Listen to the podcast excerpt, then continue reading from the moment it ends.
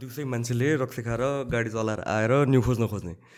यस्तो सिचुएसनलाई चाहिँ कसरी डिल गर्न सकिन्छ? कि यो यो कस्तो भन्दाखेरि यो यो इम्प्युनिटी भन्छ दण्डहीनता भन्छ।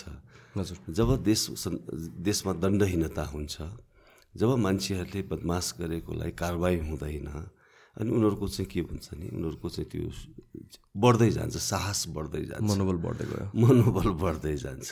र उसले यसै गरी सानो सानो क्रियाकलापबाट उसले ठुल्ठुलो अपराध पनि गर्न सक्छ। अब त्यो हामी जुन इन्काउन्टर भयो नि अब म त एउटा चाहिँ पुलिस पूर्व प्रहरी भएको हिसाबले मैले देख्छु नि उसको पुरै गल्ती छ।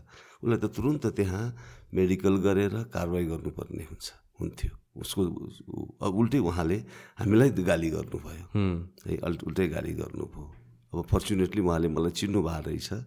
चिनेको हिसाबले उहाँले हे दाइलाई चिने नत्र मैले के के गर्थेँ भन्नुभयो आफैलाई लाज लाग्यो क्या। कस्तो मान्छेसँग चिनजान गरेछु जस्तो लाग्यो क्या। त्यो यो गलत कुराहरू। त्यही त अब यो हामी हाम्रो देशमा कतिको सेफ छौँ भन्ने कुरा पनि आउँछ होइन। किनभने कतिवटा अब सबैतिर हेरेर पनि सकिँदैन होला ल इन्फोर्समेन्ट एजेन्टहरूले नै आफै। तर यस्तो सिचुएसनलाई डिल चाहिँ कसरी गर्ने? डु अप्रोच कसलाई अप्रोच गर्ने? एकदम सजिलो छ। मैले भने नि एउटा चाहिँ ल इन्फोर्सरहरू एकदम निष्पक्ष छ ल इन्फोर्सर निडर छ ल इन्फोर्सरले कानुनअनुसार गर्छ जसलाई पनि जसले गरे पनि त्यसलाई कार कानुनअनुसार कारवाही गर्छ भन्ने जो एउटा इम्प्रेसन दिन सक्यो भने यो दिउँसो यसरी खाने खाएर गाडी चलाउने हिम्मत कसैले गर्दै गर्दैन। हिम्मतै गर्दैन। यो त यही हो मैले अघि भने नि अब सानो सानो उसबाट ए हामी हामी जे पनि गर्न सक्छौँ हाम्रो इन्फ्लुएन्स छ हाम्रो पावर छ हाम्रो नेटवर्किङ छ भन्ने त्यो मनस्थितिले बढावा पायो भने यस्ता क्रियाकलापहरू सानो सानोबाट ठुल्ठुलो अपराधमा मान्छे लाग्यो सो ल्याक अफ पनिसमेन्ट छ? हाम्रो कन्टेक्समा होइन कानुनमा त पनिसमेन्ट त छ अब कानुनमा त स्पष्ट लेखेकै छ। हजुर। होइन तर कानुनमा लेख्नु र इन्फोर्समेन्ट भने फरक हो। होइन इन्फोर्समेन्ट भनेको चाहिँ जो मान्छे खटिएका छन् तिनीहरू चाहिँ अलिकति एक्टिभ हुनु पऱ्यो प्रो एक्टिभ हुनुपर्ने हुन्छ। जस्तै कतिपय मान्छेहरू पहिले प्रो एक्टिभ हुने भयो त्यसले हिम्मतै गर्दैन। है त्यो अहिलेको मान्छेले हिम्मतै गर्दैन थियो। किनभने यहाँको प्रहरी एकदम सशक्त छ।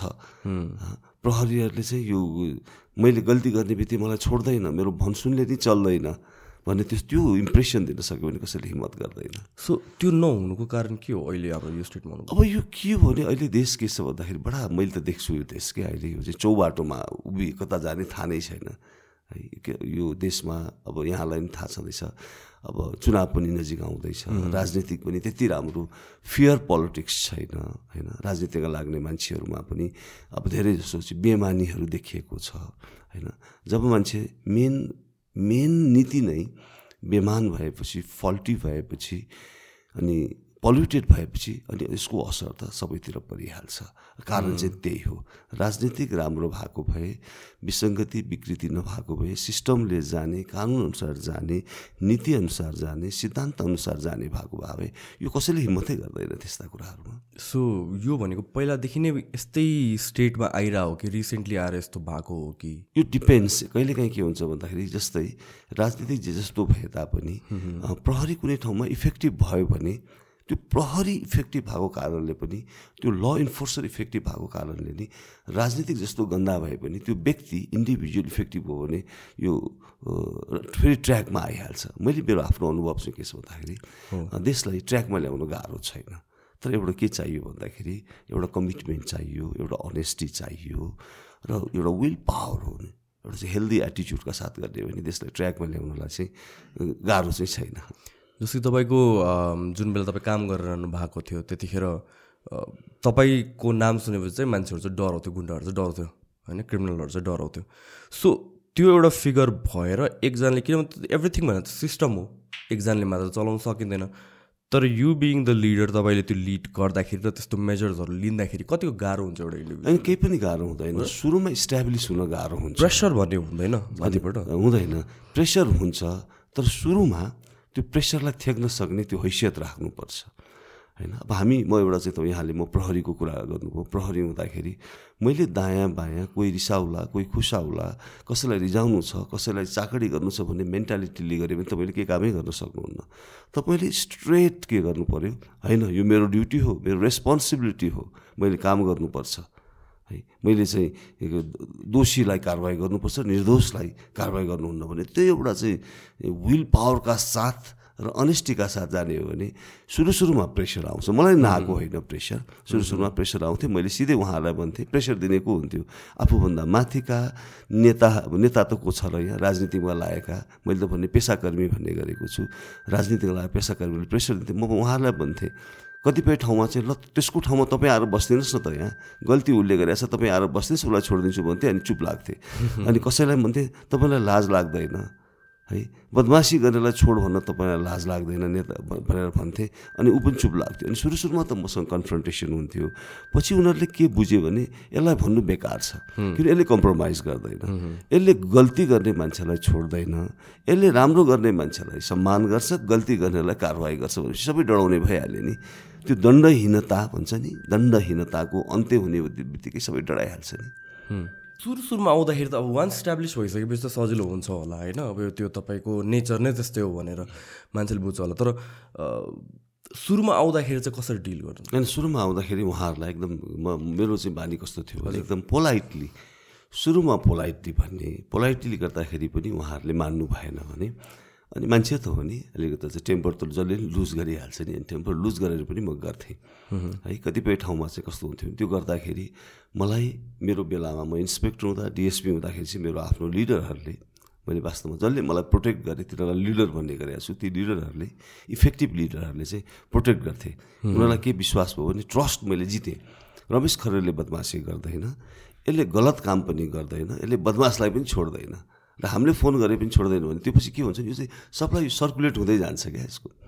त्यो चाहिँ त्यो राजनीतिमा लागेका मान्छेलाई पनि थाहा हुन्छ व्यापार व्यवसायीहरूलाई पनि थाहा हुन्छ पुलिसका चाहिँ हाकिमलाई पनि थाहा हुन्छ। उनीहरूले भन्ने आँटै गर्दैन थियो मलाई। इभन एउटा इन्सिडेन्ट तपाईँलाई यहाँलाई सेयर गर्छु। म काठमाडौँमा दोस्रो पटक आउँदाखेरि अनि मलाई बेला बेलामा चाहिँ तपाईँ आतङ्क मचाउन आउनु भए पनि भने मलाई। है तपाईँ काठमाडौँमा आतङ्क मचाउने? भनेर चाहिँ भने अब नाम त के लिनु है? त्यसरी भने मैले आतङ्क मचाउन आएन म शान्ति सुरक्षा गर्न आएको हजुर भन्थेँ। अनि पछि एकजना नेताले चाहिँ अब उहाँको नाम लिँदाखेरि अप्ठ्यारो नपर्ला। अर्जुन नरसिंह केसीजीले चाहिँ के भन्नुभयो भन्दाखेरि एकताल चाहिँ एउटा सोसियल प्रोग्राममा भेट भयो। सोसियल प्रोग्राम भेट हुँदाखेरि रमेशजी तपाईँ काठमाडौँ आएपछि मलाई चाहिँ खुब सजिलो हामीलाई सजिलो भएको छ भन्नुभयो। किन किन हजुर? मन्त्रीज्यू भनेर भन्दाखेरि उहाँले के भन्नुभयो? हेर्नुहोस् हामी कहाँ कार्यकर्ता आउँछन् भनिदिनु भनेर आउँछन् कोही गल्ती गरेर आउँछन् भनिदिनु भनेर आउँछन्। तर मैले त्यो कार्यकर्ता अगाडि रमेश खरेल भन्ने यस्तो जन्तु हो यसले कसैको कुरा सुन्दैन भन् हाम्रो कुरा मान्दैन। त्यस कारणले नभन्नु भनेपछि ए हो त्यो त हो सर भनेर ती कार्यकर्ताहरूले भन्थे अरे क्या। अनि हामीलाई सजिलो छ भनेर उहाँले खुब भन्नुहुन्थ्यो त्यो मैले यहाँलाई सेयर गरेँ। यस्तो सो तपाईँ पुलिसमा चाहिँ कसरी आउनुभयो खासमा चाहिँ? पुलिसमा चाहिँ म वास्तवमा म मेरो ब्याकग्राउन्ड म ल्याब स्कुलमा पढेको हो। ल्याब स्कुलबाट म जब मेरो पढाइ असाध्यै राम्रो थियो। पढाइ राम्रो थियो तर एसएलसी दिइसकेपछि अनफर्चुनेटली मेरो बुवाको अन अनटाइमली डेथ भयो बुवा बित्नु भएपछि अनि त्यसपछि म होस्टेलमा बसेँ सधैँ।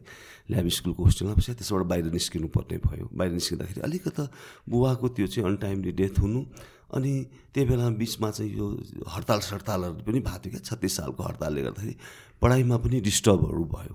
अनि मेरो गाउँ त काभ्रे प्लान छु अनि गाउँमा बस्ने अनि पढाइ पढ्नुलाई अलि मेरो इन्ट्रेस्ट जागेन। अनि मेरो फेरि स्कुलमा म फुच्चे थिएँ। हाइट एकदम बढ्यो अहिले। म सिक्स फुटर हो हाइट ठ्याक्क बढेपछि अनि मेरो स्कुल एउटा ल्याब स्कुलमा चाहिँ के थियो भने एउटा ब्युटी अलराउन्डर हुनु पर्थ्यो सबै गेम पनि खेल्ने पढ्ने पनि सबै चिजहरू राम्रो थियो।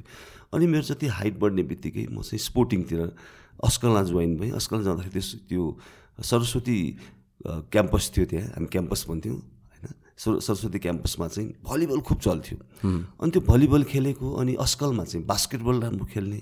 अस्कल र पब्लिक जस्तो खुब पर्थ्यो बास्केटबलमा। राम्रो भएपछि मलाई त्यो एट्र्याक्सन चाहिँ बास्केटबल कोर्टतिर भयो भलिबल कोर्टतिर भयो र मेरो पढाइ म फिजिकल ग्रुपको पढाइ बिग्रिँदै गयो र म फेल पनि भएँ आइएससीमा एकताल फेल पनि भएँ अनि म स्पोर्ट्समा चाहिँ इन्टरनेसनल खेलाडी भएँ अनि म चाहिँ यो एसियन गेम खेल्न टेन्थ एसियन गेम एट्टी सिक्समा सोलमा भएको थियो भलिबलमा खेल्न पनि गएँ।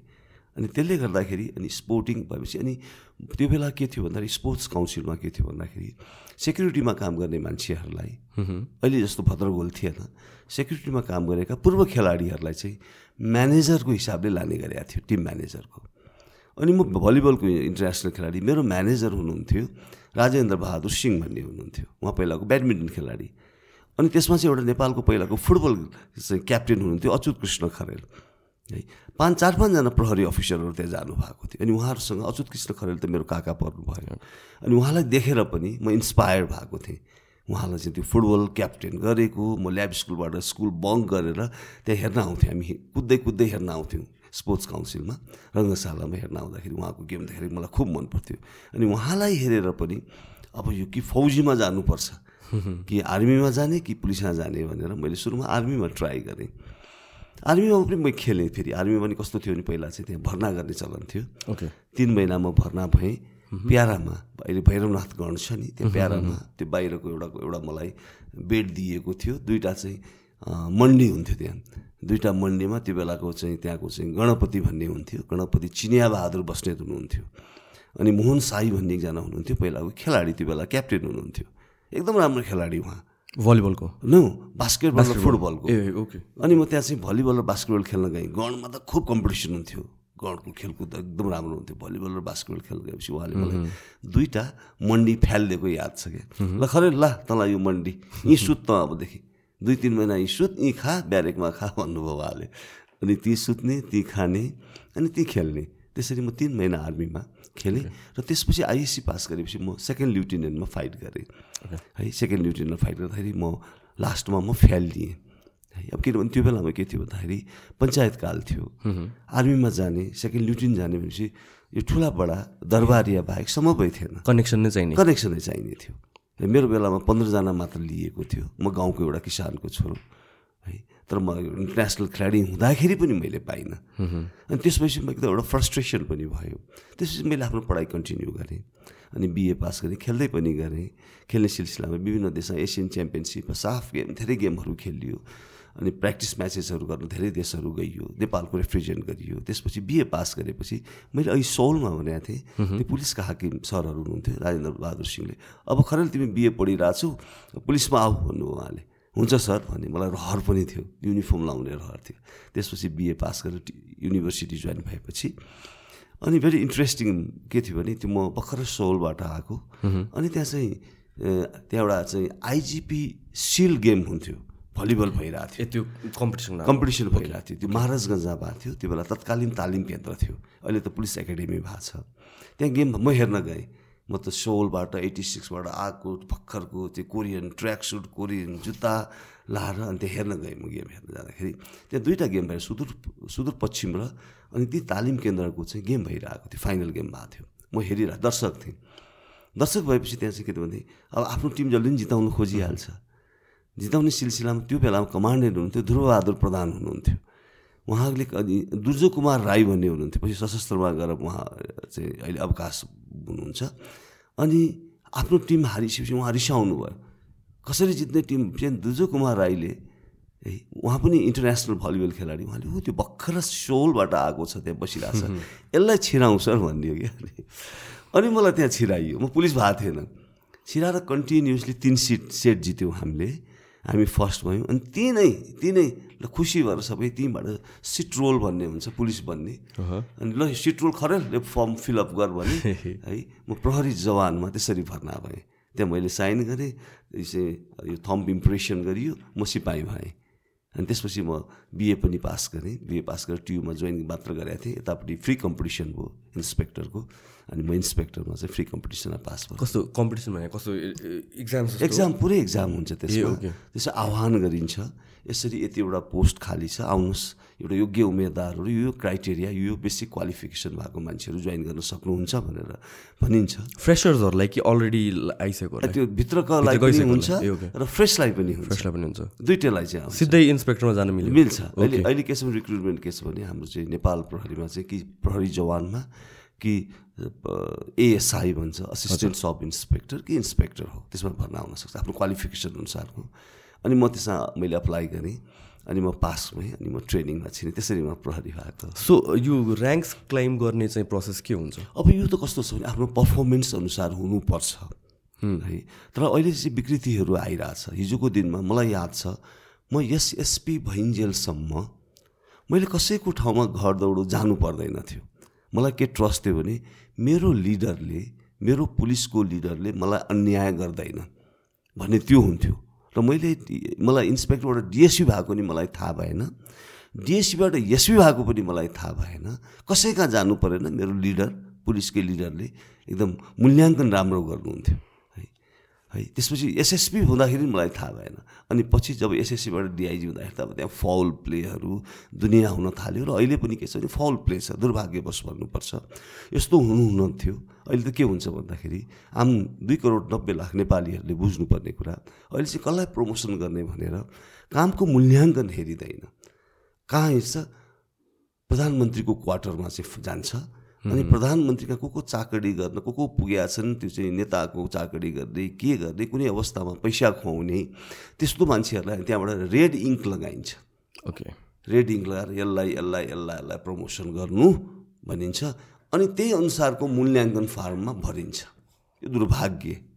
Very sad to say as a police पूर्व प्रहरीको हैसियतले त्यसरी हुन्छ अहिले पहिला हुन्थेन। पहिला हुँदैन थियो। पहिला पनि के हुन्थ्यो भन्दाखेरि टेन पर्सेन्ट मान्छेहरू चाहिँ त्यो कमान्डरले त्यो लिडरले इफेक्टिभ लिडरले राम्रो मान्छे कहिले पनि छुट्दैन थियो टेन पर्सेन्ट नाइन्टी पर्सेन्ट भनसुनमा जान्थ्यो नजाने पनि होइन पहिला पनि हुन्थ्यो नहुने होइन।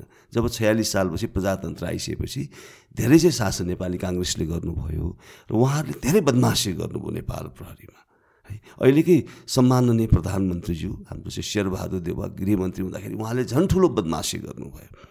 उहाँले त के गर्नु भने एउटा चाहिँ भाउको आइजिपीलाई हटाएर अर्को आइजिपीलाई ल्याउनु भयो र त्यसैको कारणले रत्न शमशेर स्वर्गीय रत्न शमशेर जङ्गबहादुर राणाको मृत्यु पनि भयो।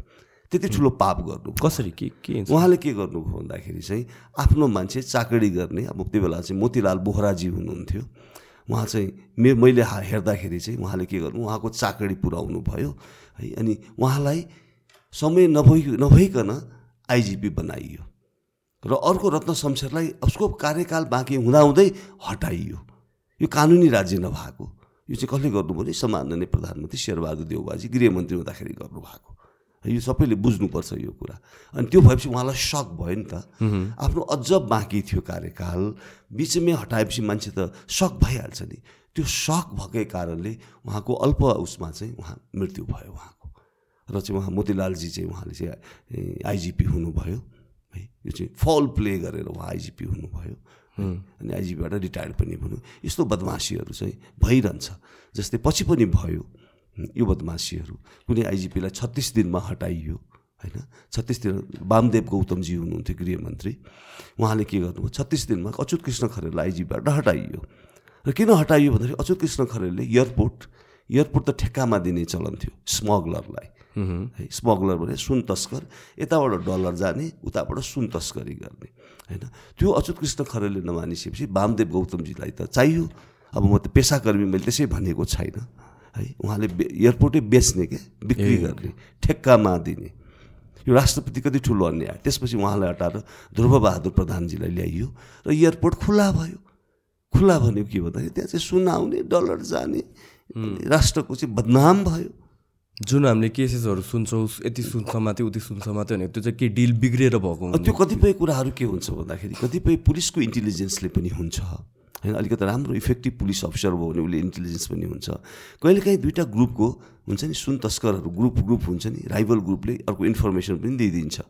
अथवा कतिपय कुराहरू उनीहरूले चाहिँ के गर्छ भने जबसम्म डिल हुँदैन तबसम्म उनीहरूले कोही रिक्स लिँदै लिँदैन। तस्करहरूले। सुन मात्र होइन सबै चिजहरू तराईको चाहिँ ओपन बोर्डरहरूमा जति चिजहरू आउँछ उसले रिक्स लिएर गर्दैन है। ठुलो एमाउन्टमा गर्दैन किनभने तिस किलो तेत्तिस किलो सुन समात्ने बित्तिकै उनीहरूको त करोडौँ रुपियाँ गयो नि। त्यस कारण उनीहरूले त्यो रिक्स लिँदैन। त्यस कारण यो भद्रगोल चाहिँ छ। अब जस्तो कि यो सिस्टमकै कुरा गर्दाखेरि भन्नु ल इन्फोर्समेन्टमै यत्रो पावर प्ले हुन्छ यत्रो करप्सन हुन्छ भनेपछि हाउ यसलाई डिल चाहिँ कसरी गर्न सकिन्छ कहाँ हामी चुकिरहेको छौँ? हामी चुकिया के छौँ भन्दाखेरि एउटा हामी इमान्दारिताको खडेरी छ हामीसँग। इमान्दारीको खडी के भने सबभन्दा पहिलो त हामीले दोष कसलाई हुन्छ राजनीतिकमा लागेका मान्छेहरूलाई दोष हुन्छ।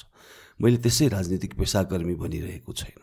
है उहाँ इमान्दार भइदियो भने यस्तो हुँदैन। र उहाँ इमान्दार नहुँदा नभए तापनि पुलिसका पुलिसका जो लिडरहरू हुन्छन् ऊ लुते हुनु भएन।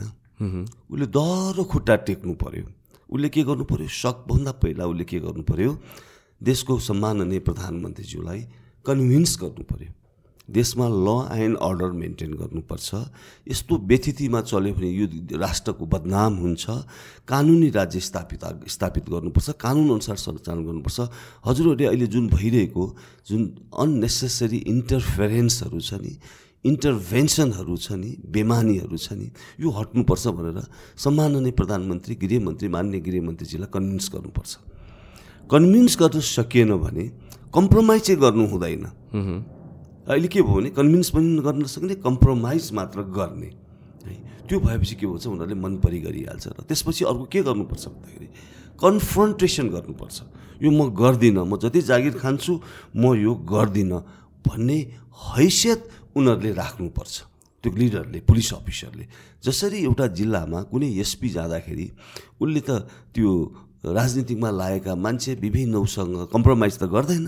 कतिपय पुलिस अफिसर प्रशस्त छन् नेपाल नेपालपुरीमा जसले कम्प्रोमाइज नगरिकन पक्का पुलिसिङ गरेर आउँछ।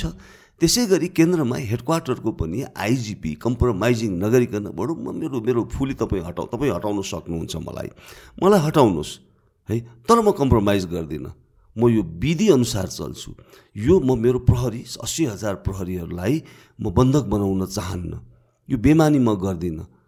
म प्रहरी अस्सी हजार प्रहरी मैले चलाउने हो। तपाईँले त खालि मलाई फेसिलिटेट गर्ने हो। सल्लाह राय सल्लाह दिने हो। विधि अनुसार चल्ने हो कानुन अनुसार चल्ने हो भनेर स्ट्यान्ड लिने हो भने त यिनीहरू त राजनीतिमा लगाए पेसाकर्मी थुरथुर मुतिहाल्छन् नि। अब यो शब्द कतिको प्रोपर हो मैले एकदमै एकदमै। जसरी बोल्दा बोल्दा थुरथुर उनीहरू मुतिहाल्छन्। त्यो गर्न सक्ने हैसियत नेपाल प्रहरीको लिडरमा चाहिन्छ। पुलिस फोर्स भनेको त actually it's an independent body नै हो। अब ए होइन गृह मन्त्रालय अन्तर्गत हो यो होइन? तर गृह मन्त्रालय इन्टरफेयर गर्न पाइएन। पाइएन नि त। बदमास गर भन्न त पाइएन नि त। होइन? मन परि गर्ने अब अहिले चाहिँ चाहिँ महारानीहरूले चलाउने गृह के अरे चाहिँ पुलिस। महारानी भनेका श्रीमतीहरूले चलाउने पुलिस। उसका सालाले चलाउने पुलिस। कहिले छोराले चलाउने पुलिस। पुलिस त नीति प्रहरी ऐन अनुसार चल्नु पऱ्यो प्रहरी नियमावली अनुसार चल्नु पऱ्यो देशको कानुन अनुसार चल्नु पऱ्यो संविधान अनुसार चल्नु पऱ्यो यहाँ त के भने उहाँहरूलाई के भ्रम छ भने नेपाल प्रहरी अरू अरू ठाउँ पनि न्यायालय भनौँ सबै मेरो आफ्नै बाबुको वीरता हो यो। मैले मेरो बोली भनेको कानुन हो। है त्यो कानुनभन्दा मेरो बोली ठुलो छ भने उहाँहरूलाई भ्रम छ। र त्यसैले यो भ्रमलाई हामीले के गर्नुपर्छ? हामी नै जनताहरू हामी नागरिक भएर अब हिजो त जनता भए अब नागरिक भएर हामी कि त भने शान्तिपूर्वक अगाडि बढ्नुपर्छ र उहाँको विरोध गर्नुपर्छ। र नट अन्ली पुलिस चाहिँ सचिवहरूदेखि लिएर सबै ठाउँका सबै सेक्टरका सबै प्रोफेसनका मान्छेहरूले राष्ट्रप्रति राष्ट्रलाई शिरमा राखेर नेपाल आमालाई शिरमा राखेर बदमासी गर्नु भएन। यो बेमानी गर्नु भएन आफ्नो सीमित स्वार्थको लागि व्यक्तिगत स्वार्थको लागि राष्ट्रलाई बन्धक त बनाउन पाइएन नि। अहिले भएको त्यही हो। अहिले राम्रो मान्छे के गर्छ भन्दाखेरि यहाँले बुझ्नुपर्ने कुरा राम्रो मान्छे प्रोफेसनल मान्छे कम्पिटेन्स मान्छे जो इन्डिपेन्डेन्स चाहन्छ त्यो मान्छे कसैको घरमा चाकडीमा जाँदैन। कसैका जाँदैन। र उसले चाहिँ के थियो भने आफ्नो धर्म आफूलाई दिएको जिम्मेवारी उसले चाहिँ रेस्पोन्सिबल्ली काम गर्छ।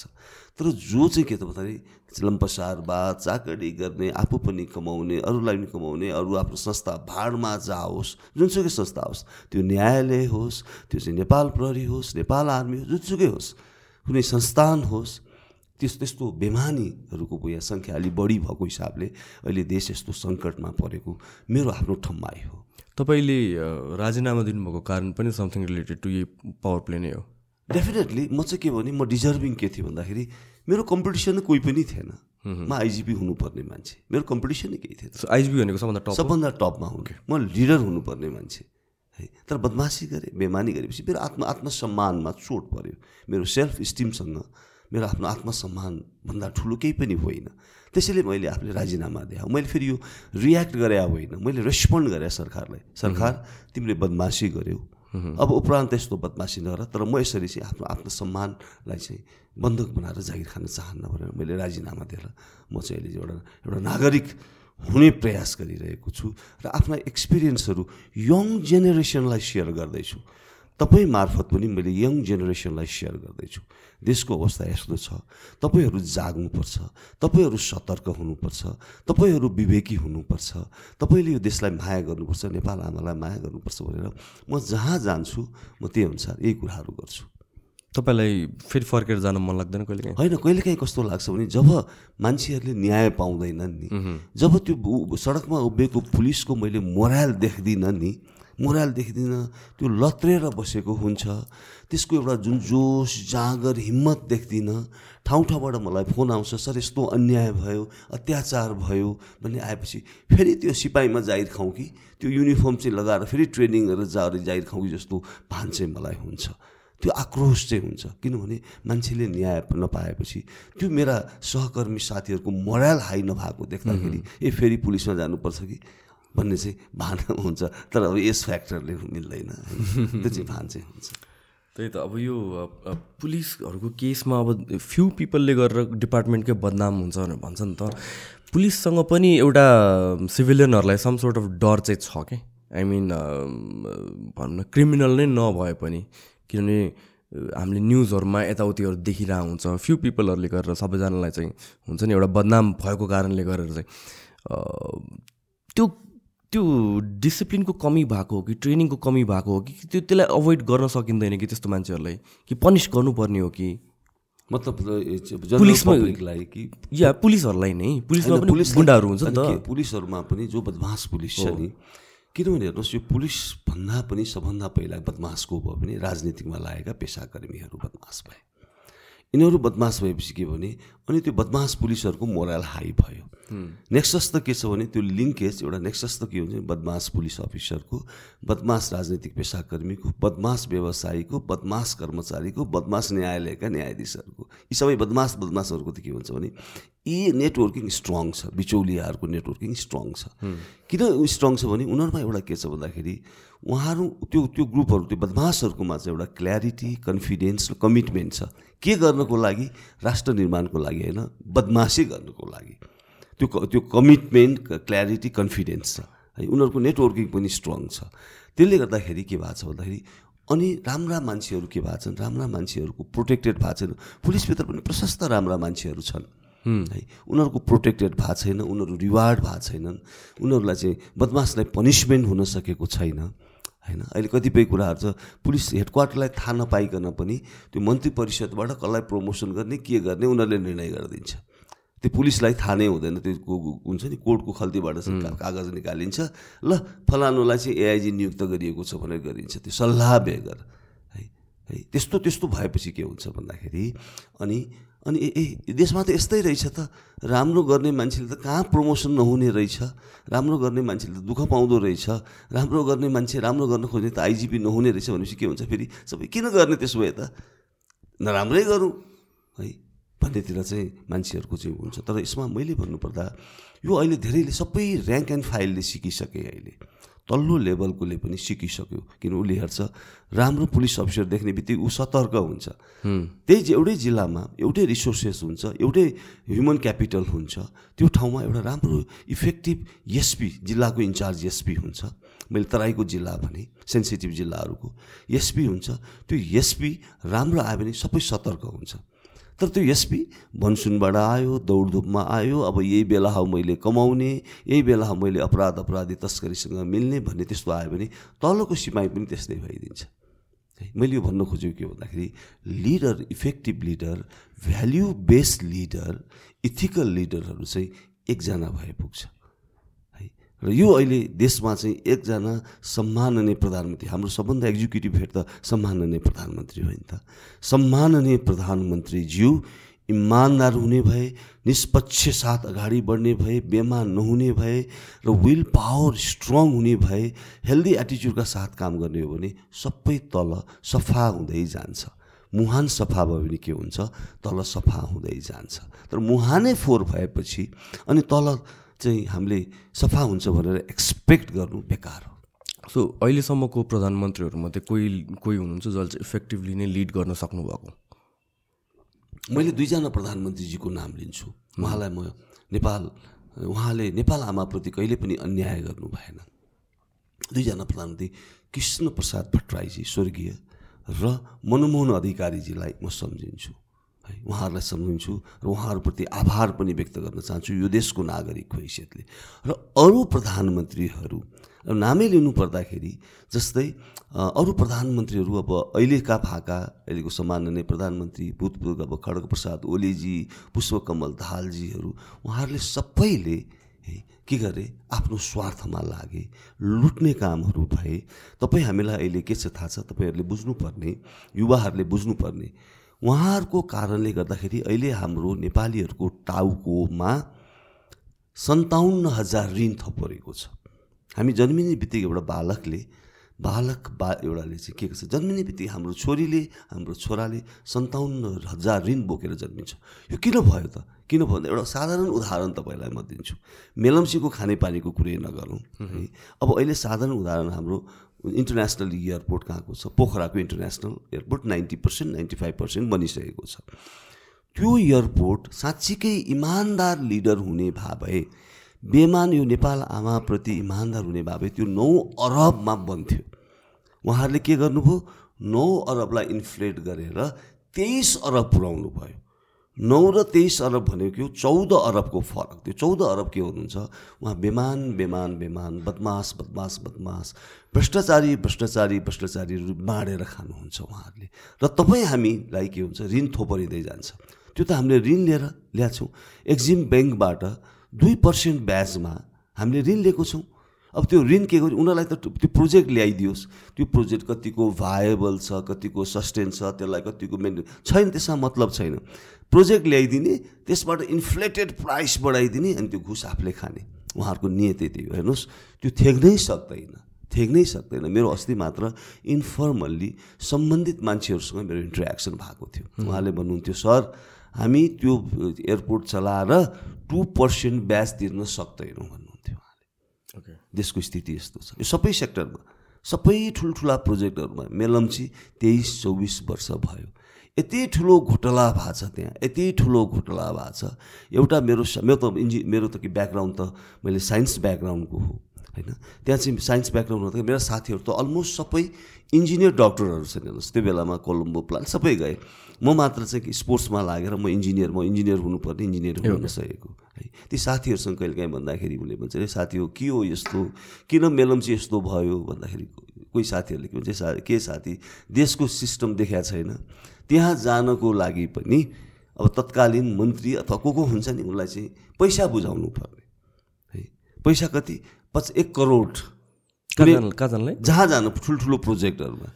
जहाँ भ्रष्टाचार गर्ने चाहिँ चाहिँ सम्भावना हुन्छ विकासका हुन्छ नि त्यहाँ जान पैसा बुझाउनु पर्ने। रानी महारानीहरूलाई। है। अब तपाईँलाई त यसो तपाईँले मलाई जुन हिसाबले सोध्दै हुनुहुन्छ नि तपाईँको देशको बारेमा तपाईँलाई धेरै कुरा थाहा छैन है अन्यथा नलिनु थाहा छैन थाहा छैन। है थाहा पाउनुपर्छ तपाईँहरू युवकले। है तपाईँले त मलाई जुन सोधिरहनु भएको छ नि तपाईँको मैले बडी ल्याङ्ग्वेज हेरिरहेको छु क्या। बडी ल्याङ्ग्वेज हेर्दाखेरि तपाईँ त धेरै इनोसेन्ट हुनुहुँदो रहेछ देशको बारेमा। है तपाईँ यस्तो यङ हुनुहुन्छ देशको बारेमा बुझ्नुपर्छ।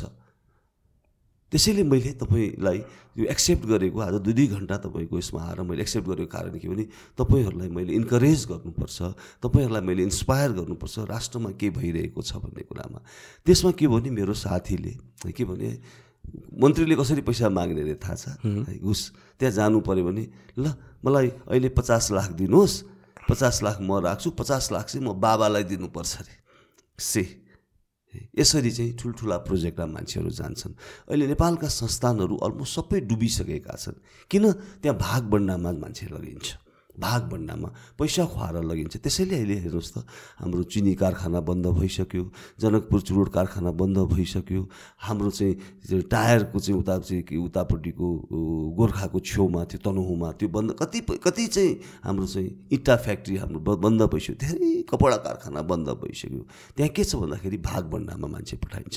पैसा खाएर मान्छे तपाईँले पैसा दिएर तपाईँ कुनै ठाउँमा जानु भने तपाईँले त्यसको डबल ट्रिपल कमाउनु परेन। अहिले स्थानीय निर्वाचनमा मेयरको लागि उपमेयरको लागि पैसा चाहिँ के चाहिँ चाहिँ यो पावर सेन्टरमा पैसा बाँडेका कुराहरू पनि आएका छन्। हिजोको दिनमा पनि त्यही थियो पैसा दिएर तपाईँ मेयरको टिकट लिन थालेपछि तपाईँले के गर्नुहुन्छ? दुई करोड दिएर मेयरको टिकट पाएपछि तपाईँले छ करोड त कमाउनुहुन्छ। भिक्टिम को भयो? त्यो जनता भयो। विकासबाट विकासको पैसाबाट चाहिँ उनीहरूले त्यो पैसा कमाउने भए। अहिले के छ भने मेजोरिटी अफ यो मान्छेहरू मेयरमा उपमेयरमा लडेका सबै म भन्दिनँ है। कोही चाहिँ राम्रो उद्देश्यले पनि म विकास गर्छु म मेरो पालिकालाई राम्रो गर्छु मेरो महानगरपालिकालाई राम्रो गर्छु भनेर लडाइ पनि छन् है। त्यस्ता पनि छन्। तर मेजोरिटी अहिले के छ भन्दाखेरि त्यहाँ जाने धेरै बजेट हुन्छ तिस करोड चालिस करोड अरब अरब बजेट पनि हुन्छ। त्यो बजेट के गर्ने? आफ्नो प्रयोजनको लागि अलिअलि काम गरेको पनि देखाइदिने अनि खाने। तपाईँले महालेखा परीक्षकको अहिलेको चाहिँ रिपोर्ट हेर्नुहोस् न कति काली लाग्दो छ। है महालेखा परीक्षककोमा रिपोर्टमा हामी कहाँबाट सातवटा प्रदेश अहिले छ नि सातवटा प्रदेशमा बेरुजु टेन पर्सेन्ट कुनै प्रदेशमा टेन पोइन्ट कति छ कुनै पर्सेन्टमा सेभेन पोइन्ट कति छ कुनै पर्सेन्टमा सिक्स पोइन्ट कति छ थ्री पोइन्ट कति छ। यो खतरनाक हो यो। जस्तै बिलो अभव वान भनेको बेरुजु हुन्छ नहुने होइन। अभव वान भनेको खतरनाक कुरा हो यो राष्ट्रको लागि। Which is akin to corruption त्यस्तो स्थिति छ। अब तपाईँहरूले चाहिँ तपाईँहरूले यसमा बुझ्नुपर्ने हुन्छ। र त्यसैले मैले यो किन यो आज तपाईँसँगको मेरो छलफलमा के भन्न खोजिरहेको छु त्यस कारणले तपाईँहरू युवाहरू सजग हुनुहोस् है है यस्तो जो मान्छे तपाईँलाई झुक्काएर एकतिस बत्तिस वर्ष त हामी झुकिसक्यौँ। है त्यो झुकेर हाम्रो अवस्था हेर्नुहोस् न अहिले कस्तो छ। हामी कहाँबाट कहाँ पुग्नुपर्ने? हामी सँगसँगैको देश हाम्रो भुटान कहाँबाट कहाँ पुगिसक्यो? त्यही छिमेकी राष्ट्र बङ्गलादेश कहाँबाट कहाँ पुगिसक्यो? है बङ्गलादेशको तपाईँलाई एउटा साधारण उदाहरण मात्र दिन्छु।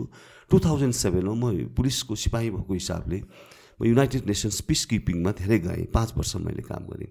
टु थाउजन्ड सेभेनमा म सुडानको डारफुरमा काम गर्न गएको थिएँ। त्यहाँ मेरो कलिग्सहरू बङ्गलादेशका कलिग्सहरू पनि थिए। त्यो बेलामा र मेरो तलब बराबर थियो उनीहरूको र मेरो तलब। पछि फेरि टु थाउजन्ड फिफ्टिनमा फेरि म ग्लोबल्ली युनाइटेड नेसन्स पिस किपिङमा एउटा कमान्डरको हैसियतले गएँ। उसको तलब तेह्र सय युएस डलर मेरो तलब less than five hundred US dollar. हेर्नुहोस् त फरक है। उसले कहाँबाट कहाँ छर्लाङ मारिसक्यो त्यो देशले? हामी झन्झन तल झन्झन तल त्यो पेस जुन पेसा जानुपर्ने जान सक्यो यसको अर्थ के हो त भन्दाखेरि देशमा व्याप्त कुशासनको कारणले नेपाल आमालाई के त भन्दाखेरि न जहाँ त्यहाँ ट्रान्सपरेन्सी नभएपछि अकाउन्टेबल नभएपछि रेस्पोन्सिबल नभएपछि कानुनी राज्य नभएपछि इफेक्टिभ इफिसियन्ट नभएपछि के हुन्छ? यस्तै व्यथिति विसङ्गति हुन्छ र तपाईँ हामीले नयाँ जेनेरेसनले दुःख पाउँछन्। सो तपाईँ पोलिटिक्समा के अरे मेयरसिपको लागि तपाईँ पनि उठ्ने भन्ने कुरा थियो नि। खासमा त्यो कहाँबाट इनिसिएट भयो? होइन मैले मैले आफ्नो इच्छा मैले देखेँ काठमाडौँलाई देखेँ।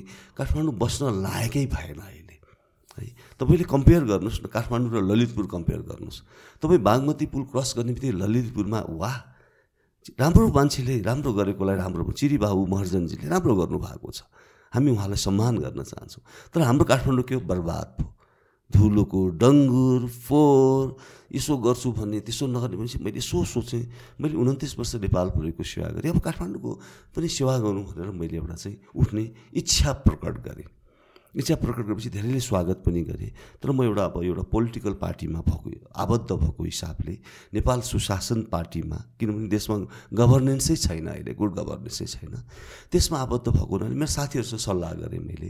नेपालभरिका साथीहरूसँग सल्लाह गरेँ। उसले अहिले उनीहरूले धेरैले सेभेन्टी पर्सेन्टले उठ्नु हुँदैन भने किन? उनीहरूले होइन तपाईँ यहाँ काठमाडौँमा जित्नु भयो भने तपाईँ हन्ड्रेड पर्सेन्ट तपाईँले काठमाडौँमा बस्नुपर्ने हुन्छ। तपाईँ बाहिर जान पाउनुहुन्न। किनभने मैले जे गर्छु म त रेस्पोन्सिबिलिटी गर्छु नि। म त जिम्मेवार बोध लिएर गर्छु यसलाई पुरै चेन्ज ल्याउँछु भन्ने ऊ थियो मेरो भित्री इच्छा थियो। तर तपाईँ बाहिर जान पाउनुहुन्न हाम्रो सङ्गठन विस्तार हुँदैन। त्यस कारणले सेभेन्टी पर्सेन्ट मेरा साथीहरूले विथड्र गर भने मलाई थर्टी पर्सेन्टले लड पनि भने। त्यसपछि म ल्याब स्कुलको प्रडक्ट ल्याब स्कुलमा त के थियो भन्दाखेरि मेरा साथीहरू ल्याब स्कुलमा धेरै पहिला चाहिँ यहीँका लोकल नेवा कम्युनिटीका मेरा साथीहरू प्रशस्त छन् यहाँ। र पछि मैले नेपाल प्रहरीमा सेवा गर्दाखेरि पनि नेवा कमिटी कमिटी कम्युनिटीका गुठीका मेरा प्रशस्त साथीहरूसँग मैले सल्लाह गरेँ। सल्लाह गरेर कतिपय त्यसमा पनि मिक्स आयो। अनि त्यसपछि अनि उहाँले पनि नउठ्नु सर अहिले नउठ्नु भने पार्लियामेन्टमा सङ्घीय उसमा चाहिँ अब मङ्सिरमा हुने चुनावमा उठ्नु भनेपछि मैले त्यो मेरो साथीहरूको ओपिनियनहरू लिएर उहाँहरूलाई रेस्पेक्ट गरेर मैले विथड्र गरेको सो पार्लियामेन्टमा उठ्नुको मतलब चाहिँ के हो? पार्लियामेन्टमा चाहिँ ल मेकर हो। ओके देशको ल बनाउने। है। अहिले त के छ भने पार्लियामेन्टेनहरू ल बनाउनेतिर उहाँहरूलाई ध्यान छैन। देश कसरी चलिरहेको छ? अध्यादेशले देश चलेको छ। हिजो शेरबहादुर देउबाजी चाहिँ अपोजिसनमा हुँदाखेरि पनि उहाँले यही विरोध गर्नुहुन्थ्यो। खड्ग प्रसाद ओलीजीले गरेको कामको विरोध गर्नुहुन्थ्यो। पछि खड्गप्रसाद ओलीजीको तिन वर्ष कार्यकाल हामीले देखिहाल्यौँ। होपलेस। त्यसपछि के भयो? अनि अहिले शेरबहादुरजी आउनुभयो। ठ्याक्कै त्यही नराम्रो नराम्रो काम खड्गप्रसाद ओलीजीले गरेको शेरबहादुरजीले पनि त्यही गरिदिनु गरिरहनु भएको छ। अब यो त भएन।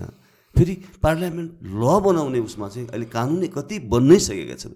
देश अध्यादेशबाट देश चल्ने होइन नि। देश त कानुनबाट चल्ने हो रुल अफ लबाट चल्ने हो नियमबाट चल्ने हो त्यो छैन। त्यो हिसाबले अनि फेरि के छ भन्दाखेरि यति ठुलो छ त्यहाँ मैले हामीले नेपाल सुशासन पार्टीले एउटा आवाज उठाउनु पर्ने छ। हामीलाई आठ सयजना यी राजनीतिक मे आठ सयजना हामीलाई किन चाहियो सांसद? यति सानो देशमा हामीलाई किन चाहियो? हामीलाई सातवटा प्रदेश किन चाहियो? हामीलाई हिमाल पहाड तराई जोडिनुपर्छ हाम्रो। है। यो टुक्रा टुक्रा किन गर्ने यो देशलाई? त्यत्रो मान्छेलाई जागिर दिन लाओ। यो राजनीतिक त सेवा हो नि त। मेवा खाने ठाउँ होइन भनेर चाहिँ त्यसको विरोध गर्न नि पाइयो त्यहाँ भएका विकृति विसङ्गति गर्नु। एउटा अर्को तपाईँलाई थाहा छ कि छैन? पार्लियामेन्टेरियनहरूले उनीहरूको आफ्नो कन्स्टिट्युसन्सको कन्स्टिच्युएन्सीको विकासको लागि कुनै ठाउँमा पाँच करोड कुनै ठाउँमा कति तिन करोड लिने गरेका छन्। यो अरबौँ अरबौँ रुपियाँ लिने गरेका छन्। तिनीहरूले के गर्छन्? आफ्नो कार्यकर्ताहरूलाई पोस्ने काम गर्छ त्यसको अकाउन्टेबिलिटी हुँदैन। कहाँ छ? यो देशमा कहाँ छ? सुशासन कहाँ छ? अकाउन्टेबल उनीहरू छँदै छैनन्। यो देशमा चाहिँ जस्तै अख्तियार एकदम चाहिँ सशक्त भइदिएको भए है यो गर्ने आँटै गर्दैन थियो। अख्तियारमा पनि के छ? भागभन्डामा जानेछ। तपाईँहरूले सुन्नुभयो नि अख्तियारमा त। अब के अरे न्यायालयको पनि भाग भण्डा अरे यो यो राष्ट्रको लागि राम्रो होइन। को गए को नगए भन्नेसँग मतलब भएन मलाई। है हामीलाई के मतलब छ भन्दाखेरि राम्रो मान्छे जानु पऱ्यो जसले चाहिँ त्यो ठाउँमा गएपछि उसले इन्डिपेन्डेन्टली काम गर्ने मान्छे चाहियो। उसले इमान्दारीपूर्वक काम गर्ने मान्छे चाहियो। भागभण्डामा जाने मान्छेले गर्न सक्छ त। जस्तै खड्गप्रसाद ओलीजीको भागभण्डामा गएको मान्छेले खड्गप्रसाद ओलीजीले जे बदमासी गरे पनि उसले कारवाही हुँदैन उहाँ। दण्डहीनता भनेकै त्यही हो। है शेरबहादुरज्यूको पोक चाहिँ उसमा पोल्टाबाट भागभण्डाबाट गएको मान्छेले उहाँले जति बदमासी गरे पनि उहाँलाई उन्मुक्ति पाउनुहुन्छ। त्यस्तै त्यो बेलामा अर्को चाहिँ प्रधान न्यायाधीशको पनि भागभण्डा अब जस्तै सेपरेसन अफ पावर हुन्छ नि एउटा न्यायपालिका कार्यपालिका व्यवस्थापिकाको आफ्नो हुन्छ नि आफ्नो इन्डिपेन्डेन्स हुन्छ आफ्नो कार्यक्षेत्र हुन्छ। ती कुनै पनि भएन। त्यस कारणले गर्दाखेरि यी धेरै धेरै कुराहरू छ धेरै विसङ्गति विकृतिहरू छ। यसलाई हामीले हटाउनु पर्ने छ है। यसको लागि हामी अगाडि बढ्नुपर्ने हुन्छ। ल एउटा सो अब भन्नु तपाईँको इन्ट्रेस्ट भनेको चाहिँ ल बनाउनलाई पार्लियामेन्टमा गएर इन्फ्लुएन्स गर्नु पऱ्यो त्यो चाहिँ त्यो मेरो इन्ट्रेस्ट चाहिँ के भने त्यो असाध्य विकृति भयो। त्यो थलो विकृति का त्यो चाहिँ त्यो पार्लियामेन्टमा पार्लियामेन्टको चाहिँ एउटा चाहिँ स्पिकर हुन्छ। स्पिकर एकदम निष्पक्ष हुनुपर्छ। त्यो पनि निष्पक्ष भएन। यहाँ त के भने देशको राष्ट्रपति पनि निष्पक्ष हुनु भएन। यस्तो स्थिति भयो। त्यस कारण त्यो निष्पक्ष भएर उसले जुन पार्टीबाट आए तापनि उसले निष्पक्षका साथ काम गर्नुपर्छ। त्यो चाहिँ व्यवस्थापिका न्यायपालिका कार्यपालिकाको यो चाहिँ ब्युटी नै यही हो। तपाईँलाई एउटा उदाहरण दिउँ मैले। अमेरिकामा हाम्रो ट्रम्प जब प्रेसिडेन्ट हुँदाखेरि उहाँले एउटा एटर्नी जनरल नियुक्ति गर्नुभएको थियो। मलाई उहाँको नाम चाहिँ के मैले नाम बिर्सेँ है उहाँको। उहाँलाई उहाँलाई नियुक्ति गर्नुभयो। नियुक्ति गरेपछि ट्रम्पका कुनै कन्ट्रोभर्सियल कुराहरूमा एटर्नी जनरलले इन्भेस्टिगेट गर्दाखेरि ट्रम्पलाई नै औँलो ठडाउनु भयो उहाँले। आफै नियुक्त गरेको मान्छे होइन ऊ त ऊप्रति ट्रम्पप्रति लोयल हुनु पर्थ्यो नि। उहाँ ट्रम्पप्रति लोयल हुनु भएन राष्ट्रप्रति लोयल हुनुभयो कानुनप्रति लोयल हुनुभयो। तर हामीमा त्यो देखिएको छैन है। विलियम विलियम भन्ने हो एटर्नी जनरल। उहाँले यो ट्रम्प प्रेसिडेन्ट ट्रम्पको गल्ती हो भनेर चाहिँ उहाँले नै औँलाउनु भयो। त्यस्तो इन्डिपेन्डेन्स चाहिन्छ त्यस्तो प्रोफेसनलिजम हामी कहाँ चाहिन्छ र हाम्रो कार्यपालिका न्यायपालिका व्यवस्थापिकामा त्यो भएन। सबैले आफ्नो विवेकलाई बन्धक बनाउने भए। आफूले देखेको विवेक भनेको एउटा चाहिँ एउटा भगवान् भनौँ न हामीले जे भने पनि भगवान् भन्नुहोस् अथवा नेचर भन्नुहोस् है त्यो त्यसैलाई बन्धक बनाए हाम्रो धेरै ठाउँ धेरै जसो हाम्रा नेपाली ठाउँमा पुगेका शासकहरूले। त्यसैले पार्लियामेन्टमा चाहिँ गएपछि त्यहाँ अर्को एउटा विकृति के छ? त्यहाँ चाहिँ त्यो बेला बेलामा त्यहाँ हडताल हुने क्या। त्यो बन्द हुने। पार्लियामेन्टै बन्द पार्लियामेन्टमा पनि हुन्छ यत्तिका लाज मर्नु कुर्सी तोडा तोड फोडा फोड। एक दुईचोटि त देखाएको छ है यो त कस्तो दुर्भाग्य भने यस्तो पार्लियामेन्टेरियनलाई हामीले चुनावमा पठाइरहेका छौँ। चुनावमा जिताएर पठाइरहेका छौँ। भनेपछि दोष त हाम्रै हो। आम नेपाली नागरिकको दोष हो। त्यसैले मैले भन्दैछु अब हामी जनता होइन नागरिक बन्नु पऱ्यो हामी विवेकी हुनु पऱ्यो राम्रो को छ जसले त्यो पार्लियामेन्टमा होस् अथवा व्यवस्था जहाँ जहाँ होस् पालिकामा होस् महापा नगरपालिकामा होस् राम्रो मान्छे पोलिटिकल पार्टी जुनसुकै होस् मतलब भएन तर त्यो राम्रो मान्छे छान्नु पऱ्यो हामी त्यति विवेकी नै छैनौँ र हामी नेपाली नागरिक हामी दुई दिनमा बिग्छौँ र थापाई थापाइकन पनि हाम्रो आत्मा भगवान्लाई बन्धक बनाउँछौँ त्यो नयाँ जेनेरेसनलाई बन्धक बनाउँछौँ नयाँ जेनेरेसनप्रति अन्याय गर्न त हामी सक्दैनौँ नि। र म यसमा अहिले यो राजनीतिमा लागेको कारण पनि त्यही हो। सो सो पार्लियामेन्टमा जो रिप्रेजेन्टेटिभ जान्छन् त उसलाई डाइरेक्टली के अरे सिभिलियनहरूले सेलेक्ट गरेर पठाउँछ कि पार्टीले? चुनाव हुन्छ। ओके। एउटा चाहिँ डाइरेक्ट इलेक्टेड पनि हुन्छ समानुपातिक पनि हुन्छ। विशेष गरेर यहाँ के छ भने यस्तो विकृति छ हाम्रो समय संविधानमा पनि धेरै एमेन्ड गर्नुपर्नेहरू छ। समानुपातिकमा कसलाई पठाइन्छ? त्यो पेसाकर्मीका कसैलाई? श्रीमतीलाई पठाइन्छ? समानुपातिक भने चाहिँ समानुपातिक भन्छ त्यो भोटर भोट भोट हुन्छ नि एउटा डाइरेक्ट इलेक्टेड हुन्छ। अनि अब यहाँ त हामी त पार्टी सिस्टम छ जस्तै नेपाली काङ्ग्रेसको कति लाख भोट खस्यो। कम्युनिस्टको कति खस्यो नेपाल सुशासन पार्टीको कति खस्यो अनि त्यही अनुसार एउटा थ्रेस होल्ड छ त्यही अनुसार चाहिँ यसले यतिजना चाहिँ मनोनित गर्न पाउने होइन? पहिले लिस्ट पठाएको हुन्छ यो यो यो हुन्छ तर त्यो लिस्टमा के हुन्छ भन्दाखेरि किनबेच हुन्छ त्यो लिस्टमा होइन? पैसामा करोडौँमा बिक्री पनि हुन्छ र आफ्ना आफन्तलाई पठाइन्छ। त्यसरी आफन्तमा करोडौँमा एउटा अब्लिगेसनका साथ गएका मान्छेले त कुनै पनि सेक्टरमा not only parliament every sector जुडिसियरीमा जाने होस् अथवा कार्यपालिकामा अरूमा संस्थानमा होस् नेपाल प्रहरीमा अब्लिगेसनका साथ कोही मान्छे जान्छ भने उहाँबाट कहिले पनि के हुँदैन? पर्फर्म डेलिभरी हुँदैन। अहिले भइरहेको हाम्रो देशमा के त भन्दाखेरि हामीले इफेक्टिभ लिडरै पाएनौँ। इफेक्टिभ लिडरले के गर्छ भन्दाखेरि चाहिँ आफ्नो पार्टीको मान्छे हेर्दैन सक्षम मान्छे हेर्छ। प्रोफेसनल मान्छे हेर्छ। र जसले कानुन अनुसार काम गर्छ बोल्ड मान्छे हेर्छ। है उसले आफूप्रति लोयल हेर्दैन। तपाईँलाई एउटा उदाहरण छ नि अमेरिकामा बराक ओबामा प्रेसिडेन्ट हुँदाखेरि बराक ओबामा चाहिँ इफेक्टिभ लिडर हो। उहाँ प्रेसिडेन्ट हुँदाखेरि उहाँले के गर्नु भने एफबिआईको चिफमा रिपब्लिकन त्यहाँ त डेमोक्रेट र रिपब्लिकन हुन्छ। रिपब्लिकन सपोर्टर जेम्स कोमी भन्नेलाई उहाँले व्हाइट हाउसमा बोलाउनु भयो व्हाइट हाउसमा बोलाएर त्यो चाहिँ ओभलमा व्हाइट हाउसमा बोलाएर म तँलाई एफबिआईको जिम्मेवारी दिन चाहन्छु लिडर बनाउन चाहन्छु। म डेमोक्रेटको हुँ त रिपब्लिकन त्योसँग मतलब भएन। तँसँग के छ? त कम्पिटेन्ट छस् तँसँग इन्डिपेन्डेन्स छ त अनेस्ट छस्। है तँलाई मैले त्यसमा नियुक्त गर्दाखेरि अमेरिकन जनता राम्रोसँग सुत्छ। किनभने तैँले बे तपाईँहरू त्यति ट्रस्ट छ। तेरो कम्पिटेन्सीप्रति हामीलाई विश्वास छ। भनेर यसरी नियुक्ति गर्छन् इफेक्टिभ लिडरले यहाँ त के हुन्छ? इफेक्टिभ यहाँ त लिडरै कोही पनि छैन। उहाँ त के छ भने आफू यो यहाँका राजनीतिका चाहिँ श्रीमतीलाई कसले रिझाएका छन् कसले लम्पसारवाद भएका छन् कोही त के छ भन्दाखेरि कुनै पोस्ट पाउनुको लागि चाहिँ अपहरण गर्न पनि जान्छन्। अपराध गर्न पनि पछि हट्दैनन् है। पैसा बुझाउनु त एउटा कुरा हो। अपराध गर्नलाई नि पछि जे गर्न जस जे गरे पनि त्यो ठाउँ पोस्ट मान्छेलाई चाहिएको छ त्यो टाइटल मान्छेलाई चाहिएको छ। यसले के गर्छ? त्यसबाट कुनै पनि कुनै पनि सेक्टरमा पर्फर्मेन्स राम्रो हुँदैन। है यो अहिले हाम्रो देशमा भइरहेको छ र तपाईँ लगायत युवाहरूले बुझ्नुपर्ने कुरा नै यही हो। जबसम्म हामीले यो नेक्ससलाई ब्रेक गर्न सक्दैनौँ यो विशेष सर्कललाई हामीले ब्रेक गर्न सक्दैनौँ यो देशमा सुशासनको कायम हुन्छ भन्ने हामीले सोच्नु बेकार हो। र this is the right time अब यो तिस गते भोटिङ डे डी डेमा हामीले के गर्नु पऱ्यो अब त्यो स्थानीय सरकार छ हेर्नुहोस् हामी त नेपाल सुशासन पार्टी के चाहन्छ भन्दाखेरि यो प्रदेश खारेज गर्नुपर्छ भन्ने चाहन्छ। यो सानो देशमा सातवटा प्रदेश किन चाहियो? टुक्रा टुक्रा किन चाहियो? मैले अघि भनेको छु हिमाल पहाड तराई जोडिनुपर्छ मधेस जोडिनुपर्छ। र त्यो स्थानीय निकायलाई बलियो बनाउनुपर्छ। जो अहिले स्थानीय चुनाव तिस गतिको छ त्यसलाई बलियो बनाउने पावरफुल बनाउने त्यहाँ काम गर्ने मान्छेलाई इन्करेज गर्ने बदमासलाई तुरन्त कारवाही गर्ने त्यो मेकानिजम डेभलप गर्न सक्नुपर्छ रिभोल्युसन अफ पावर भन्छ। त्यो केन्द्रले त्यो पावर स्थानीयलाई दिनुपर्छ तर त्यो भइरहेको छैन। हाम्रो चाहना त्यो अहिले आठ सय सांसदहरूको कटौती गर्ने है। अब यो जुन सह विकृति विसङ्गति जे छ त्यसलाई हटाएर राष्ट्रलाई शिरमा राखेर आफ्नो स्वार्थ हेर्ने होइन।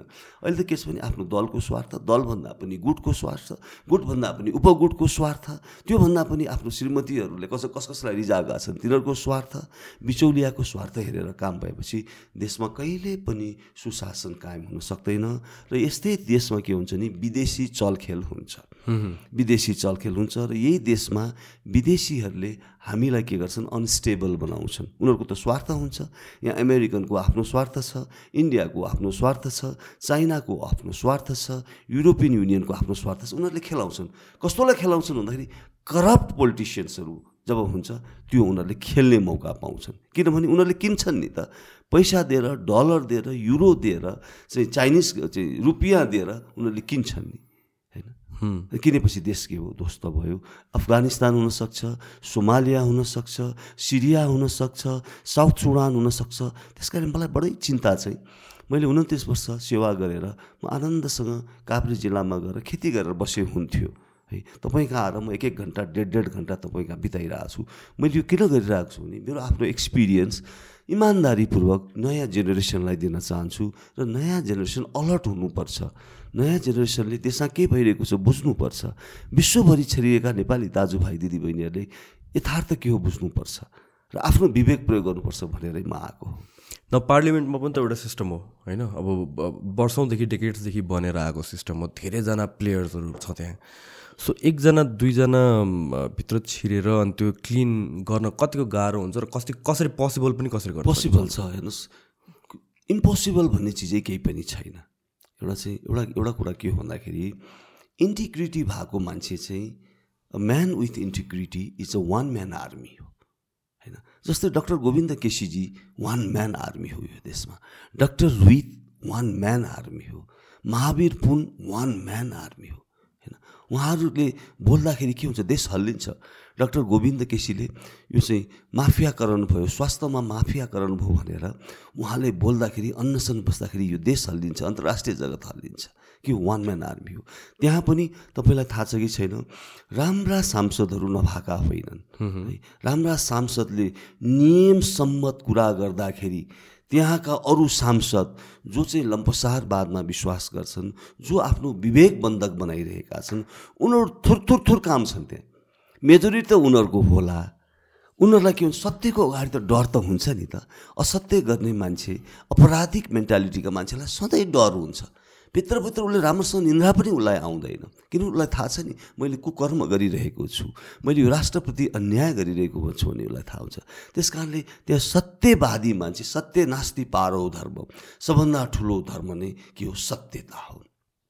त्यस कारणले सत्य बोल्ने नियमसङ्गत बोल्ने मान्छे त्यो पार्लियामेन्टमा गर्जिने बित्तिकै के हुन्छ? देश हल्लिन्छ। देश हल्लिन्छ त्यहाँको विकृति विसङ्गति हल्लिन्छ। उनीहरूलाई थ्रेट हुन्छ। मेरो एउटै इच्छा के छ भन्दाखेरि यदि मलाई दाजुभाइ दिदीबहिनीले त्यो अपर्च्युनिटी दियो भने त्यहाँ भएका विसङ्गति विकृतिहरूलाई के गर्ने? सिद्धाउने हो। सकिन्छ। मैले यो वान म्यान आर्मीको कुरा गरेको छु। ल त सत्यको अगाडि असत्यले कसरी जित्दा रहेछ?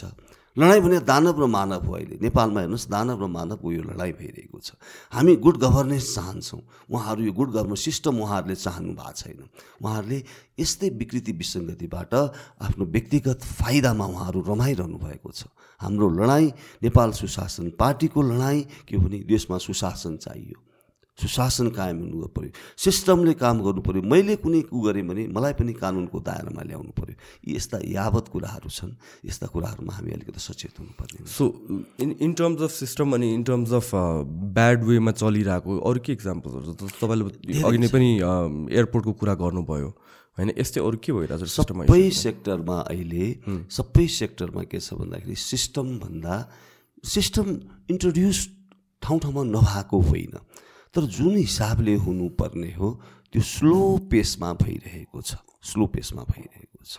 है सबै ठाउँमा अब हेर्नुहोस् न तपाईँ तपाईँ एकताल तपाईँको काठमाडौँमा कहाँ छ कि जग्गाहरू काठमाडौँमा अथवा तपाईँ वीरगन्जको मान्छे वीरगन्जको जग्गा कहाँ छ? है तपाईँ वीरगन्जको जग्गाको मालपोतमा तपाईँ जानुहोस् एकताल तपाईँले लाइसेन्स बनाउनु भयो होला। है तपाईँले मलाई गाडीमा तपाईँको गाडीमा म आएँ। है। तपाईँले लाइसेन्स दिँदाखेरि तपाईँले कति ठुलो तपाईँले इन्काउन्टर भोग्नु पऱ्यो के तपाईँले सहज हिसाबले लाइसेन्स पाउनु भयो त इमान्दारीपूर्वक भनिदिनुहोस् त। तपाईँलाई कति गाह्रो भयो? तपाईँलाई त्यो ट्रायल दिँदाखेरि तपाईँसँग अन्ड्यु एडभान्टेज लिए कसैले लाइसेन्स दिँदाखेरि इमान्दारीपूर्वक भनिदिनुहोस् त। हामीले मलाई चाहिँ त्यस्तो चाहिँ भएन। तपाईँलाई भयो मलाई चाहिँ भएन। तर तपाईँले कति एटे कति कति इन्काउन्टर कस्तो इन्काउन्टर गर्नुभयो तपाईँले? त्यही हो मान्छेहरूले अब पैसा दिनु हो भने छिटो काम हुन्छ लामो लाइन अनि यो सबै कुराहरू काम नगरिदिने झन्झट। यो सबै जेमा पनि छ यो त प्रब्लम फेरि। सबै सेक्टरमा यही प्रब्लम छ हेर्नुहोस्। मैले खालि तपाईँकै मुखबाट मैले सुन्नु खोजेको। धन्यवाद तपाईँले पैसा दिनु भएन छ। खुसी लाग्यो। होइन घुस दिने घुस खाने र दिने दुइटै यो देशका महान शत्रु हुन्। है तपाईँले त्यो गर्नु भएन छ तपाईँलाई स्याल्युट गर्न चाहन्छु। है। नत्र त्यहाँ भन्न अप्रोच गर्न डेफिनेटली आयो होला। त्यहाँ दलालहरू आउँछन्। त्यो दलालको अप्रोच कहाँ छ? त्यो अफिसको कुन कुन फाइल कहाँ छ भन्ने त्यो दलालले सुदैमै उसले त्यो उसलाई इजी एक्सेस हुन्छ। सबै त्यो सेक्टरमा तपाईँको उसमा चाहिँ जानुहोस्। के त भन्दाखेरि मालपोतमा जानुहोस्। उसमा के अरे यो चाहिँ यातायातमा जानुहोस्। Everywhere is the same everywhere is the nexus अहिलेको चुनावमा हेर्नुहोस् न यो गठबन्धन के हो थाहा छ? यो गठबन्धन पनि के हो? एउटा सिन्डिकेट हो यो। होइन? जसरी हुन्छ आफू त्यो कुर्सी जोगाउने। आफू कुर्सी जोगाउने। म त के अरे भने चितवनको जस्तै ठाउँ ठाउँमा चाहिँ बाघी भएको त्यो विवेकी मान्छेहरू जो बाघी हुनु भएको छ नि जुन गठबन्धनमा जुन जुन बाघी हुनु भएको छ उहाँहरूलाई स्याल्युट गर्न चाहन्छु। उहाँहरूले के गर्नुभयो? आफ्नो विवेकलाई बन्धक बनाउनु भएन। जस्तै चितवनमा हेरौँ न त्यहाँ जसरी हुन्छ उहाँहरूलाई गठबन्धनमा त्यहाँ चाहिँ रेणु दाहाललाई जिताउनु पर्ने तर त्यहाँ नेपाली काङ्ग्रेसका ती बहादुर सिद्धान्तवादी मैले सापकोटा बालाई मैले चिन्छु त्यहाँका। है उहाँ अहिले चाहिँ मेयरमा उठ्ने चाहिँ मित्र मेरो मित्र हो उहाँ। उहाँलाई चिन्छु। उहाँले जुन आफ्नो नैतिकता देखाउनु भयो साहस देखाउनु भयो यो गलत क्रियाकलापको विरोधमा उठ्नुभयो शान्तिपूर्वक उठ्नुभयो यसरी नै उठ्ने हो। गलत प्रक्रियाको विरोध शान्तिपूर्वक फेरि तोडफोड गर्ने होइन। यहाँ त कल्चर के हो भन्दाखेरि टायर बाल्ने भए रेलिङ भत्काउने भए होइन तोडफोड गाडी जलाउने भए यी सबैले गरे। काङ्ग्रेसले पनि त्यही गरे काङ्ग्रेसका युवा दस्ताले त्यही गरे कम्युनिस्टका युवा दस्ताले त्यही गरे है यो गर्ने होइन। शान्तिपूर्वक अगाडि बढ्ने हो। बाटो बन्द गर्ने पनि होइन। देश नेपाल बन्द गर्ने पनि होइन। यी सबै विकृति विसङ्गति हामीले हटाउनु पर्नेछ जस्तो कि यो जुन पनि अफिसमा काम गर्न एकदमै गाह्रो छ यो लाइसेन्सको कुरा होस् चाहे करको कुरा होस् जेमा पनि यो डिजिटल हुन नसकिनु कारण पनि किन डिजिटल भयो भने त काम सजिलो हुन्छ। डिजिटल जानी जानी नपारिएको to cater to these people hundred percent hundred percent. यो केही छैन। सुरुमा अलिकति इन्भेस्ट गर्ने हो भने तपाईँलाई म भनौँ विदेशमा बसेका नेपालीहरू यति सक्षम छन् उनीहरूलाई एउटा कन्ड्युसिभ इन्भाइरोमेन्ट क्रिएट गरिदिने हो भने सर्टेन बजेट दिएर यो इन्ट्रोड्युस गर्ने हो भने छ महिनामा सबै सिस्टममा ल्याउन सक्छ। मलाई पनि लाग्ने त्यही कुरा त्यही हो तर किन भनेर भइरहेछ नि, के भने उहाँलाई के भने तपाईँलाई खेलाउन पाइयो नि। यो त वर्षौँ भइसक्यो नि डिजिटलमा लग्ने भनेर भनेर वर्षौँमा भएको छ उनीहरूले त्यसमा चाहिँ त्यो डिजिटल लाँदाखेरि पनि हेर्नुहोस् न एउटा चाहिँ सेक्युरिटी प्रिन्टिङ प्रेसका कुराहरू आयो नि जहाँ चाहिँ सत्तरी करोडको चाहिँ त्यो चाहिँ टेपै आयो नि। हो। टेप आयो उहाँलाई चाहिँ त्यहाँबाट मन्त्रीबाट त हटाइयो तर कारवाही भएन। यस्ता हजारौँ यस्ता सयौँ केसहरू यस्ता छन्। सयौँ केसहरू यस्ता छन्। अब यस्तो यो यस्ता चिजहरूलाई हामीले ब्रेक गर्न सकेनौँ भने यो बर्बाद हुन्छ। यो सबै ठाउँमा छ उनीहरूले चाहँदैन।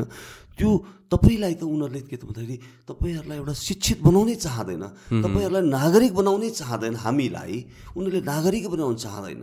त्यो गरिबको रेखाभन्दा माथि ल्याउनै चाहँदैन। कि तपाईँ सक्षम हुनुभयो भने त तपाईँ विवेकी हुनुभयो भने त तपाईँले गलतलाई त जसरी हामीले अहिले यो ठिक छैन भनेर हामीले आवाज उठाइरहेका छौँ नि। नेपाली नागरिक भयो भने त आवाज उठाउँछन् नि त। शान्तिपूर्वक आवाज उठाउँछन्। त्यो आवाज उठाउने मान्छे उहाँहरूलाई मन पर्दैन। उहाँलाई कस्तो मनपर्छ हो हजुर एकदम हुन्छ बहादुर भने ठाडो शब्दमा हुन्छ बहादुर। यस म्यान यस वुमन मात्र उहाँहरूले चाहनुहुन्छ। त्यसले कुल हेर्नुहोस् मेरो त सम्पर्क भएको थियो। अमेरिकामा बस्ने यो चाहिँ आइटीका एक्सपर्ट एक्सपर्टहरू जो चाहिँ अमेरिकन नागरिकहरूलाई अमेरिकनका चाहिँ सेक्युरिटी एजेन्सीहरूलाई ट्रेनिङ दिनुहुन्छ। उहाँहरूलाई अलिकति बोलाउने हो भने डिजिटाइजेसन गर्ने भने यहाँका युवाहरू पाँच छ लाख युवाहरूले रोजगारी पनि पाउँछन्। है र तलब पनि के हुन्छ? राम्रोसँग गर्ने भने तलब पनि त्यही अनुसार बढ्छ उनीहरूको। राम्रो तलब स्यालेरी यहीँ पाइन्छन्। आफ्नो देशमा तपाईँले रोजगार पाउनुभयो भने कोही विदेश जान कोही चाहन्छ? कोही चाहन्छ? विदेश गएर चाहिँ बाकसमा नेपालमा हेर्नुहोस् त कतिसम्म गैर जिम्मेवारी छन् भने दिनको दुईवटा बाकस आउँछ विदेशबाट। यहाँलाई थाहा छ कि छैन? दुईवटा बाकस आउँछ। त्यति चाहिँ त्यत्रो आउँदाखेरि पनि संवेदनशील नहुने भनेपछि कस्ता बेमानहरू होलान्? कस्तो मैले त भने पापिष्टहरू होलान्? है सिस्टम उहाँहरूले अहिले चाहनु त्यस कारणले अहिले जस्तै हामीले नेपाल सुशासन पार्टीले हामीले ठाउँ ठाउँमा हामीले क्यान्डिडेटहरू उठाएका छौँ। हिजो मात्र यो चाहिँ गोकर्णेश्वरको वडा नम्बर आठमा हाम्रो चाहिँ एकजना चाहिँ एकजना भाइ आदर्श छेत्री वडा अध्यक्षमा वडा नम्बर आठमा उठ्नु भएको छ। चौबिस वर्षको यङ उसमा के छ भन्दाखेरि एउटा कमिटमेन्ट छ। म सबै त्यो मेरो वडामा सबै सबै काम सिस्टमले काम गराउँछु। तपाईँहरू मेरो वडामा आउनु पर्दैन। आफ्नै त्यसबाट कम्प्युटरबाट तपाईँको काम हुन्छ। सिस्टमले अनलाइनबाट काम हुन्छ भनेर उहाँले जुन एउटा कमिटमेन्ट यसरी नै आउनुपर्छ युवाहरू। यसरी नै अब पार्टिसिपेटै गर्नुपर्छ एक्टिभली पार्टिसिपेट गर्नुपर्छ र चेन्ज ल्याउनुपर्छ। त्यो यथास्थितिमा चेन्ज आउँदैन। तपाईँले जुन भन्नुभयो नि एभ्री डे दुईवटा बक्स आउँछ नेपालमा। यो म्यान पावरको पनि कुराहरू आउँछ कतिचोटि। ओपनली ग पठाइरहेको छ इलिगली नै होइन के के गरेर गडबड गरेर। सो यस उनीहरूलाई एक्सन लिइँदैन भनेको बाबा यो देशमा कहाँ कानुन छ र? एक्सन कहाँ कानुन छ मैले त्यसै सिन्डिकेट भनेको छु र यो त माथिदेखि नै त्यो सिन्डिकेट मैले एयरपोर्ट खोल्ने एयरपोर्ट खोल्ने भनेको के हो? सबैको मिलो मतोमा है? यहाँ त के त ह्युमन ट्राफिकिङ भइरहेको छ। उहाँहरूले युवाहरूलाई युवतीहरूलाई यहाँ होल्ड गर्नै चाहँदैन। किन बाहिर गएपछि त के भयो? त्यो रेमिटेन्स आउने भए। रेमिटेन्सले त्यो अलिकति चाहिँ डलर सञ्चिति बढ्ने भयो। त्यो डलर सञ्चिति भएपछि आफूले यहाँ भ्रष्टाचार गर्न पाइयो ठुल्ठुलो प्रोजेक्ट ल्याउनु पाइयो। यहाँ त के थियो नि स्टेट स्पोन्सर स्मग्लिङ हुन्छ यो देशमा। यो स्टेट स्पोन्सर स्मग्लिङ के हो भने बुझ्दाखेरि तपाईँलाई अचम्म लाग्ला। है तपाईँसँग मेरो यो जुन छलफल भइरहेको छ मैले त के पाइरहेको छु भने तपाईँ यस्तो युवा हुनुहुन्छ तपाईँले यत्रो चाहिँ देशलाई कन्ट्रिब्युट गरिरहनु भएको छ तपाईँलाई यो थाहा छैन यो स्टेट स्पोन्सर स्मग्लिङ के हो भनेपछि मैले तपाईँको I can see I can read your eyes you don't know what is state sponsor smuggling है यो के हो भन्दाखेरि यिनीहरूले के गर्छ भन्दाखेरि जस्तै यो देशमा एउटा खाली उदाहरण जस्तै मरिच भनौँ मरिच यो देशमा के छ भने धेरै मरिच चाहिँदैन थर्ड वर्ल्डबाट मरिच ल्याइन्छ। डलरबाट मरिच एलसी खोलेर मरिच ल्याइन्छ। यहाँ अहिले यति मरिच आयो कि मेरो भागमा दुई बोरा मरिच परेको छ मेरो भागमा। अनि त्यो मरिच के हुन्छ? स्टेट स्पोन्सर कि स्मग्लिङ के भन्छ नि? त्यो मरिच चाहिँ अनि फेरि इन्डियामा जान्छ स्मग्लिङ भएर ओके यहाँ कन्जम्सन त्यो हुँदैन। इन्डियामा हाम्रो थ्रुबाट लग्नुको कारण? यहाँ त के भने यो तस्करहरू क्या। इन्डियामा डाइरेक्ट लग्नु मिल्दैन मिल्दैन उनीहरूको पोलिसीले उताबाट ल्याउनु मिल्दैन। अनि हाम्रो नेपालले चाहिँ के भन्छ नि बिचार पचास डिग्रीको चाहिँ म अब के अरे युएनमा हुँदाखेरि डार्फुरमा पचास डिग्रीमा बसेर काम गरेर आएको मान्छे युएन पिस किपिङमा गरेर आएको त्यस्तै लाखौँ युवा युवतीहरू पचास डिग्रीमा काम गरिरहनु भएको छ। उनीहरूले यहाँ डलर पठाउँछ। त्यो डलर के हुन्छ? नेपाल सरकारले के गर्छ? स्मग्लरसँग मिलेर उसलाई त्यो मरिच यहाँ भित्राउँछ। है डलर तिरेर मरिच ल्याउँछ अनि फेरि त्यो मरिच यहाँ नेपालमा कन्जम्सन हुँदैन अनि इन्डियामा स्मग्लिङ हुन्छ त्यो। त्यो हाम्रो त पोरस बोर्डर छ है पोरस बोर्डर छ अनि त्यहाँ के हुन्छ त्यहाँको चाहिँ सबै बदमासहरू पापीहरू मिल्छन् अनि त्यो फेरि इन्डियामै स्मग्लिङ हुन्छ। यसबाट के भन्दाखेरि मान्छे इजी अर्निङमा लागे। पसिना चुहाएर पो कमाउनु पऱ्यो होइन? इजी मर्निङ अर्निङ भनेको के हो भने त्यसपछि अपराधिक क्रियाकलापहरू बढ्छ। उनीहरू मान्छेहरूलाई दुःख गरेर कमाउने भन्दा नि यस्तै रहेछ यस्तै इजी अर्निङ स्मग्लिङ गर्ने तस्करी गर्ने त्यसपछि ड्रग्समा इन्भल्भ हुने क्रिमिनल एक्टिभिटिजहरू गर्ने अनि चाहिँ राजनीतिकमा पेसामा लाग्ने यो के हो इजी अर्निङको लागि। यो व्यापक छ। यो स्टे- स्टेट स्पोन्सर स्मग्लिङ भनेको यो हो यो भइरहेको छ। मरिच भनेको त एउटा मात्र इक्जाम्पल होला यस्ता कति छ जस्तै मरिच छ सुपारी छ तेल छ केराउ छ है जुन यहाँ हुँदै हुँदै हुँदैन। यो नेपाल र इन्डियाको ट्रेड अग्रिमेन्ट भएको कारणले यहाँबाट पठाउन सजिलो भएको। होइन यो ट्रेड एग्रिमेन्ट भए त स्मग्लिङै हुँदैन थियो नि। होइन? किन हुन्छ? यहाँबाट पठाउने कारण? यहाँबाट पठाउनु त स्मग्लिङ गरेर। ए। स्मग्लिङ गरेर त्यो सर्टेन मान्छेहरूले पैसा खाएर महिनावारी खाएर अनि देशको चाहिँ त्यो राजस्व डलर सिद्धाएर अनि त्यो व्यापारीसँग चाहिँ फेरि त्यो चाहिँ चाहिँ सिंहदरबारले पैसा खाएर चाहियो त अब चुनावमा। होइन? त्यो के भयो? यस्तै यस्तै यस्तै गरेर अहिले पनि यो डलर सकिनु कारण elections one of the main होइन इलेक्सनको कारणले होइन डलर सिद्धि होइन यो बेमानीको कारणले है। यो बदमासीको कारण के भन्दाखेरि हामी पुरै परनिर्भर भयौँ। हामी आत्मनिर्भर भएका छैनौँ डलर सिद्धिने। हामीले केही चिज किन्नु पऱ्यो भने एउटा के कुरा भनौँ नि केही चिज किन्नु पऱ्यो भने हामीले डलर दिनुपर्ने हुन्छ। हाम्रो नेपाली पैसा त हामीले चाइनाबाट त नेपाली पैसा चल्दैन। त्यो हाम्रो डलर सञ्चित हुन्छ त्यो। बाकसमा भएको डलर त परनिर्भर हुने बित्तिकै सिद्धिँदै सिद्धिँदै सिद्धिँदै गयो। हामी आत्मनिर्भर केही पनि छैन। त्यस कारण नेपाल सुशासन पार्टीले के गर्यो? नेपालवादको कन्सेप्ट अगाडि ल्यायो। नेपालवाद भने हामीले यहीँ गर्ने हामी यहीँबाट हाम्रो उब्जाउ हुनुपर्छ।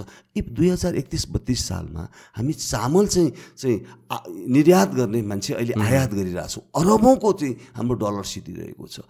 फलफुल ए बाबा हामीले गर्न सक्दैनौँ। सरकार इमान्दार हुने भए यहाँको चाहिँ सिस्टम इमान्दार हुने भए हाम्रो मुस्ताङ मनाङ मुस्ताङ हुम्ला जुम्लामा त्यो स्याउ हामीले चाइनाबाट निर्यात डलरतिर ल्याउनुपर्छ। पर्दैन। चामल हरियो तरकारी हामीले यहीँ उब्जाउ गर्न सक्दैनौँ यिनीहरूले रोक्न सक्दैन यीका किसानहरूलाई चाहिँ अनुदान दिन सक्दैन इन्करेज गर्न सक्दैन।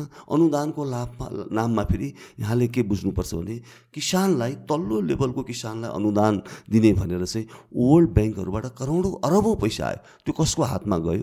बिचौलियाको हातमा गयो। माथि माथिका चाहिँ राजनीतिकमा लागेका इन्फ्लुएन्सियलहरू जसले नेपाल आमाप्रति अन्याय गरिरहेका छन् उनीहरूले पैसा त्यो सही किसानले त पाउँदै पाउँदैन। यो त यस यसरी भएपछि अनि त्यो आउने हामीले चाहिँ यहाँबाट पठाएर डलर ल्याउने सोर्स हाम्रो सिद्धिने कमाउने छ सिद्धिने हामी सधैँ बाहिरबाट निर्यात निर्यात निर्यात के निर्यात भन्दा पनि आयात। आयात आयात।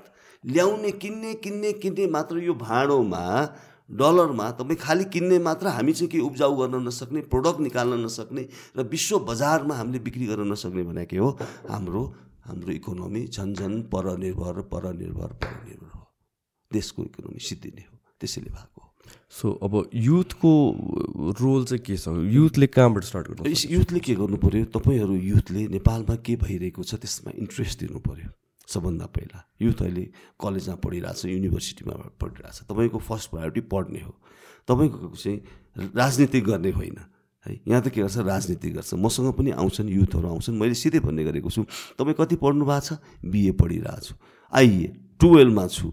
त्यो एप अहिले तपाईँ मका सम्पर्कमा नआउनुहोस्। मैले के भनेँ तपाईँ नेपालमा के भइरहेको छ? अवस्था के छ? त्यो बुझ्नुहोस् र पढाइलाई हन्ड्रेड पर्सेन्ट इफोर्ट लगाएर पढ्नुहोस्। र जब एउटा चाहिँ लाइभलीहुड तपाईँको आफ्नो आफै सस्टेन हुन चा सक्नुहुन्छ आफ्नो कमाइले आफ्नो परिवारलाई पाल्न सक्ने सक्नुहुन्छ त्यसपछि अनि राजनीतिकमा आउनुहोस्। डाइरेक्टली आउनुहोस्। है तर यहाँ के छ भन्दाखेरि जति युवाहरू राजनीतिमा आएका छन् उनीहरू के छ भने इन्डाइरेक्टली विभिन्न पार्टीबाट तलब खाइरहेका छन्। फेरि कसरी तलब खान्छ भनेर तपाईँले मलाई सोध्नु होला किसान विकासको पैसा के हुन्छ? गाउँ गाउँमा गएको छ अहिले। नगएको होइन। है गएको छ। अनि के गर्छन्? उनीहरूको उपभोक्ता समिति गठन गर्छन्। सबै पार्टीको नराम्रो नराम्रो काम गर्न त एकमत हुन्छ उनीहरू। है मैले अघि भनेको थिएँ त्यसमा त नराम्रो काम गर्न त उहाँहरूलाई क्ल्यारिटी छ कन्फिडेन्स छ अनि कमिटमेन्ट पनि छ नराम्रो काम गर्नेमा। उनीहरूले चाहिँ के गर्छ भने एउटा साधारण उदाहरण तपाईँलाई एउटा बजेट तपाईँलाई दस लाखको बजेट गयो। है? एउटा कुनै कामको लागि पोखरी बनाउन अथवा चाहिँ एउटा मन्दिर बनाउन अथवा के गर्न दस लाख उनीहरूले के गर्छ भन्दाखेरि दस लाखमा नौ लाख के दस लाख चाहिँ कागजमा दस लाखको काम हुन्छ। नौ लाख बाँडी चुडी खान्छन् एक लाखको काम हुन्छ। त्यो मोनिटरिङ कसले गर्ने? किनभने कसरी कसरी मोनिटरिङ हुँदैन भन्दाखेरि किन हुँदैन भन्दाखेरि सोर्सै करप्ट छ मुहानै करप्ट छ सिंहदरबारै करप्ट छ होइन। त्यसको चाहिँ एन्टी भनौँ न त्यो त्यसको चाहिँ अनुसन्धान गर्ने निकाय भागभण्डामा गएको छ अनि कसरी हुन्छ? यसरी देश त युवाहरू त्यसैले अब तपाईँहरू जाग्नुपर्छ तपाईँ सचेत हुनुपर्छ तपाईँले इन्ट्रेस्ट दिनुपर्छ। तपाईँको ठाउँ ठाउँमा यदि पारदर्शी छैन त्यो मान्छे तपाईँले चुनेको मान्छे तपाईँप्रति एकाउन्टेबल छैन रेस्पोन्सिबल छैन इफेक्टिभ छैन इफिसियन्ट छैन तपाईँहरूलाई कुनै काम गर्दाखेरि पार्टिसिपेसन तपाईँहरूको गरेका छैन र पारदर्शी त्यहाँ ढङ्गबाट यति खर्च भयो यति बोरा सिमेन्ट किनियो एक बोरा सिमेन्टको यति पऱ्यो भनेर जबसम्म भन्दैन तबसम्म तपाईँले त्यो वाच चाहिँ गर्नुपर्छ। हेर्नुहोस् त यो देश कस्तो देश तपाईँलाई थाहा छ कि छैन? यो देश पशुपतिनाथको गजुर बनाउँदाखेरि सुन गायब हुने देश। है राम मन्दिरमा मार्बल लाउँदाखेरि है नौ करोडको मार्बल लाउँदा लाउँदाखेरि त्यो चाहिँ तिन चार करोडको मार्बल लाग्नेमा नौ करोडको बिल बनाएर चाहिँ बाँडीचुडी खाने देश। यो देश बाल बालिकाहरूलाई बालिकाहरूलाई साइकल वितरण गर्दा सात हजारको साइकलमा तेह्र हजार बिल बनाउने यो देश। यो खालि मैले भनेको यो त एउटा प्रतिनिधि पात्र मात्र हो। एभ्रिवेयर यो यस्तै छ त्यस कारणले युवाहरूले के गर्नु पऱ्यो सचेत हुनु पऱ्यो युवाहरू पनि के गर्नु पऱ्यो अब आउनु पऱ्यो जो मान्छे आफ्नो भनौँ न पुर्खौली सम्पत्ति भएको छ यसको चाहिँ राजनीतिकलाई चाहिँ सेवाको भावले हेर्न सक्नुहुन्छ। त्यसबाट तपाईँलाई बेमान नगरिकन आफ्नो लाइभलीहुड चल्छ भने तपाईँ के गर्नु पऱ्यो आउनुहोस् पोलिटिक्स आउनु पऱ्यो मैले अघि भनेँ नि मेरो आदर्श छेत्रीको कुरा गरेँ नि। गोकर्णेश्वरको वडा नम्बर आठबाट है जसले सुनिरहनु भएको थियो सुनिरहनु भएको छ प्लिज तपाईँहरू पक्कै एक दुई दिनमा यो आइहाल्छ है।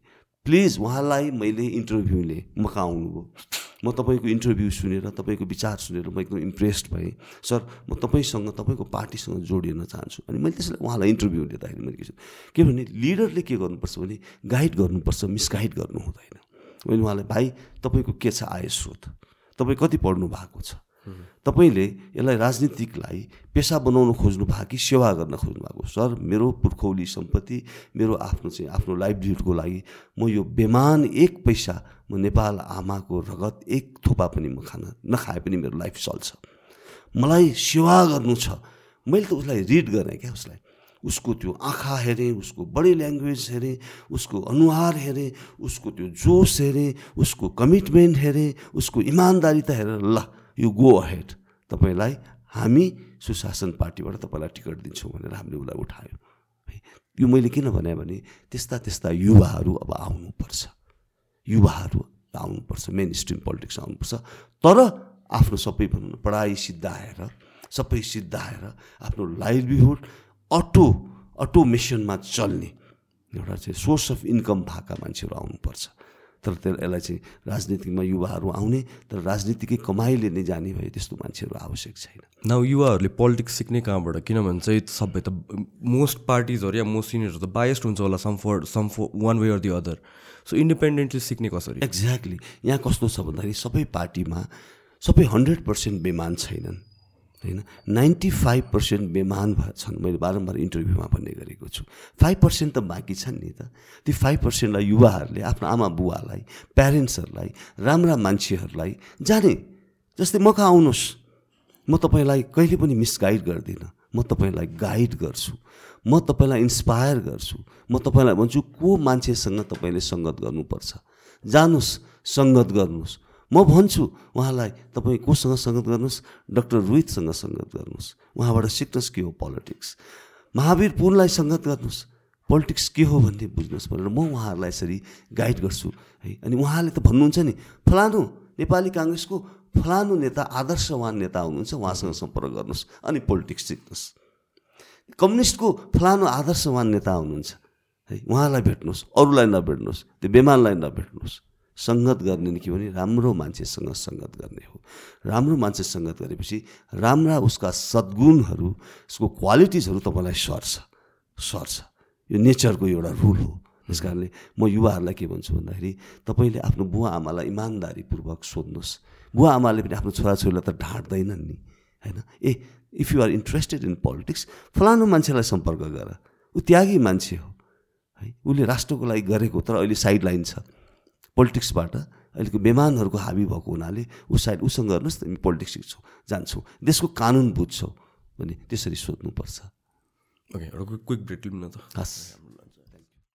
अहिलेको हाम्रो मेन हट टपिक भने नै अब यो इकोनोमी जस्तो भइसक्यो कि। अनि इकोनोमीमा पनि अब भनौँ न जुन पनि देशको मोस्ट इम्पोर्टेन्ट एसेट भनेको त युथ नै हो नि त। म्यान पावर नै हो कि ह्युमन बिङ नै हो ह्युमन एसेट्स हो।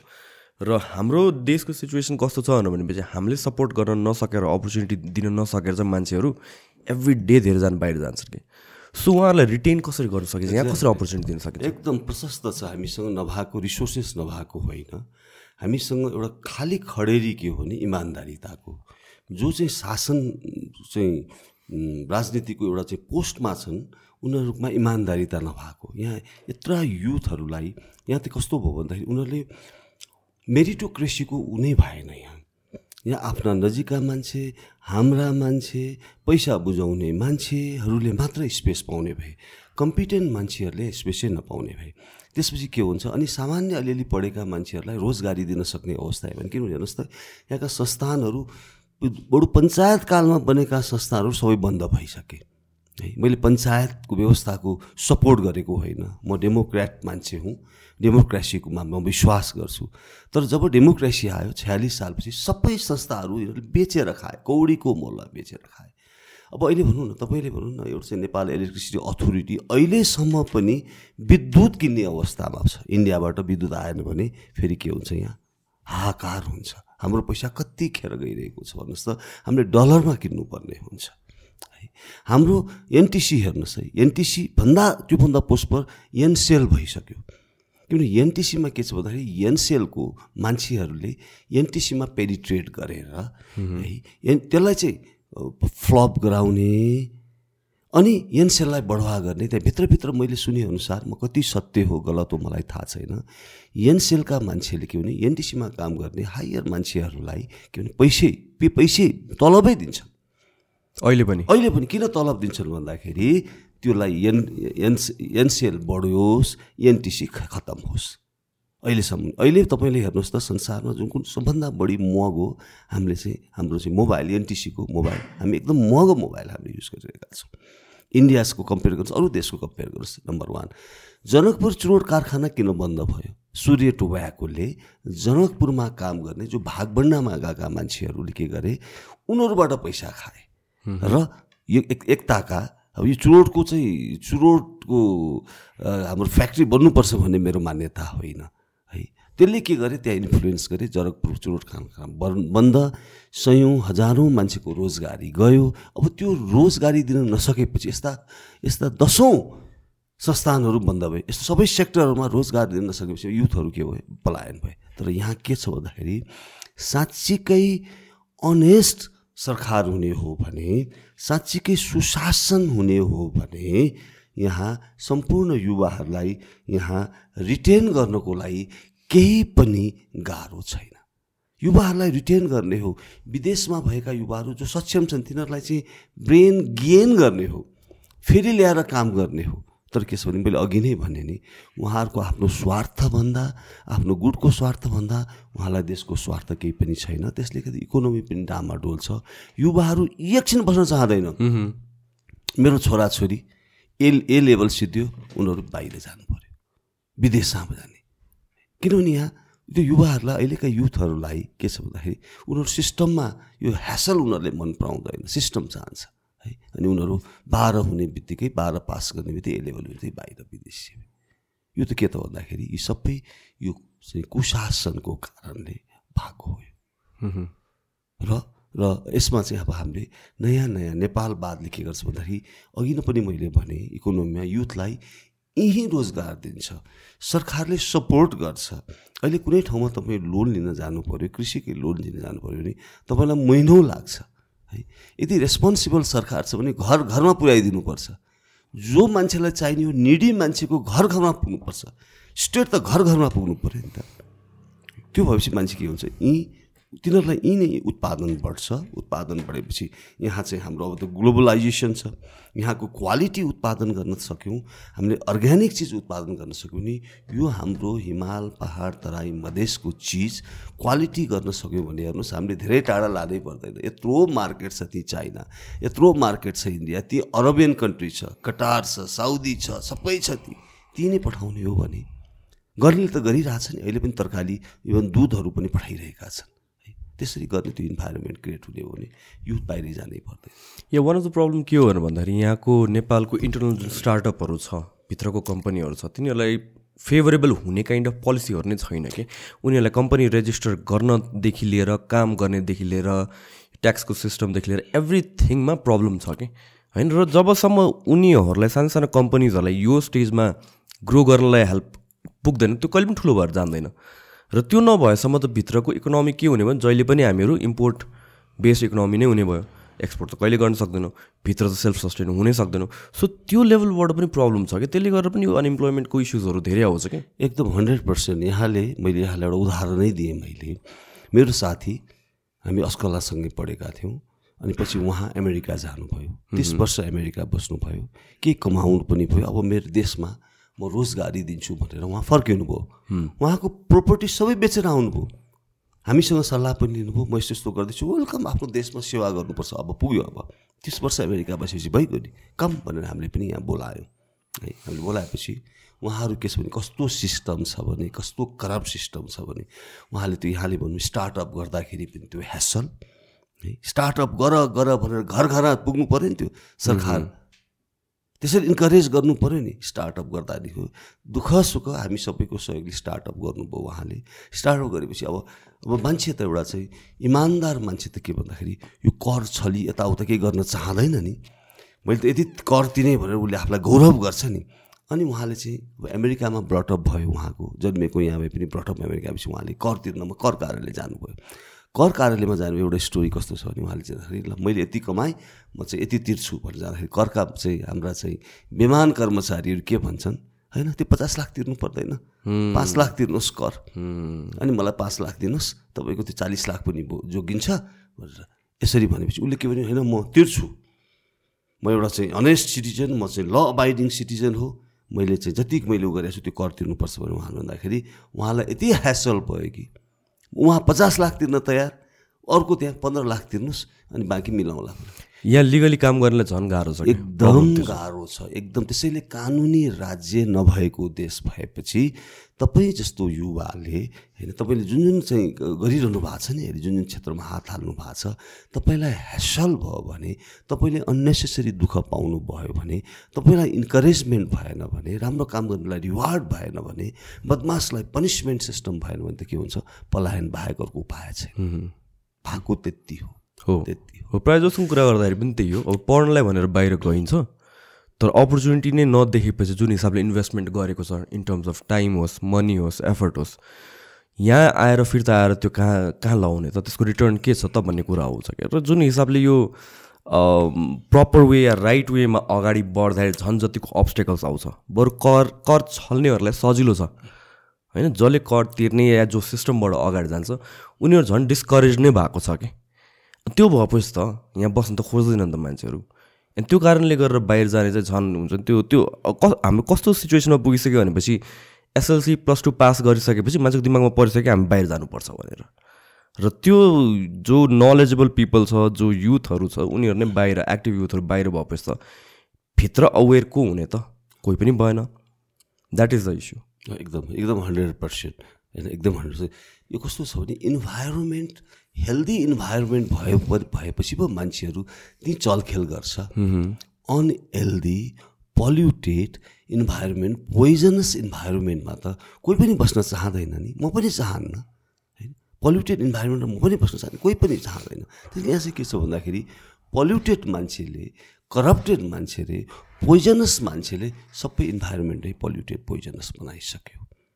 अब हामीले के गर्नु पऱ्यो युथहरूले यस्तो वातावरण सिर्जना गर्नु पऱ्यो यहाँ त्यस्ता मान्छेहरूलाई विस्थापित गर्नु पऱ्यो सबभन्दा ठुलो पावरफुल चाहिँ युथहरू नै हो।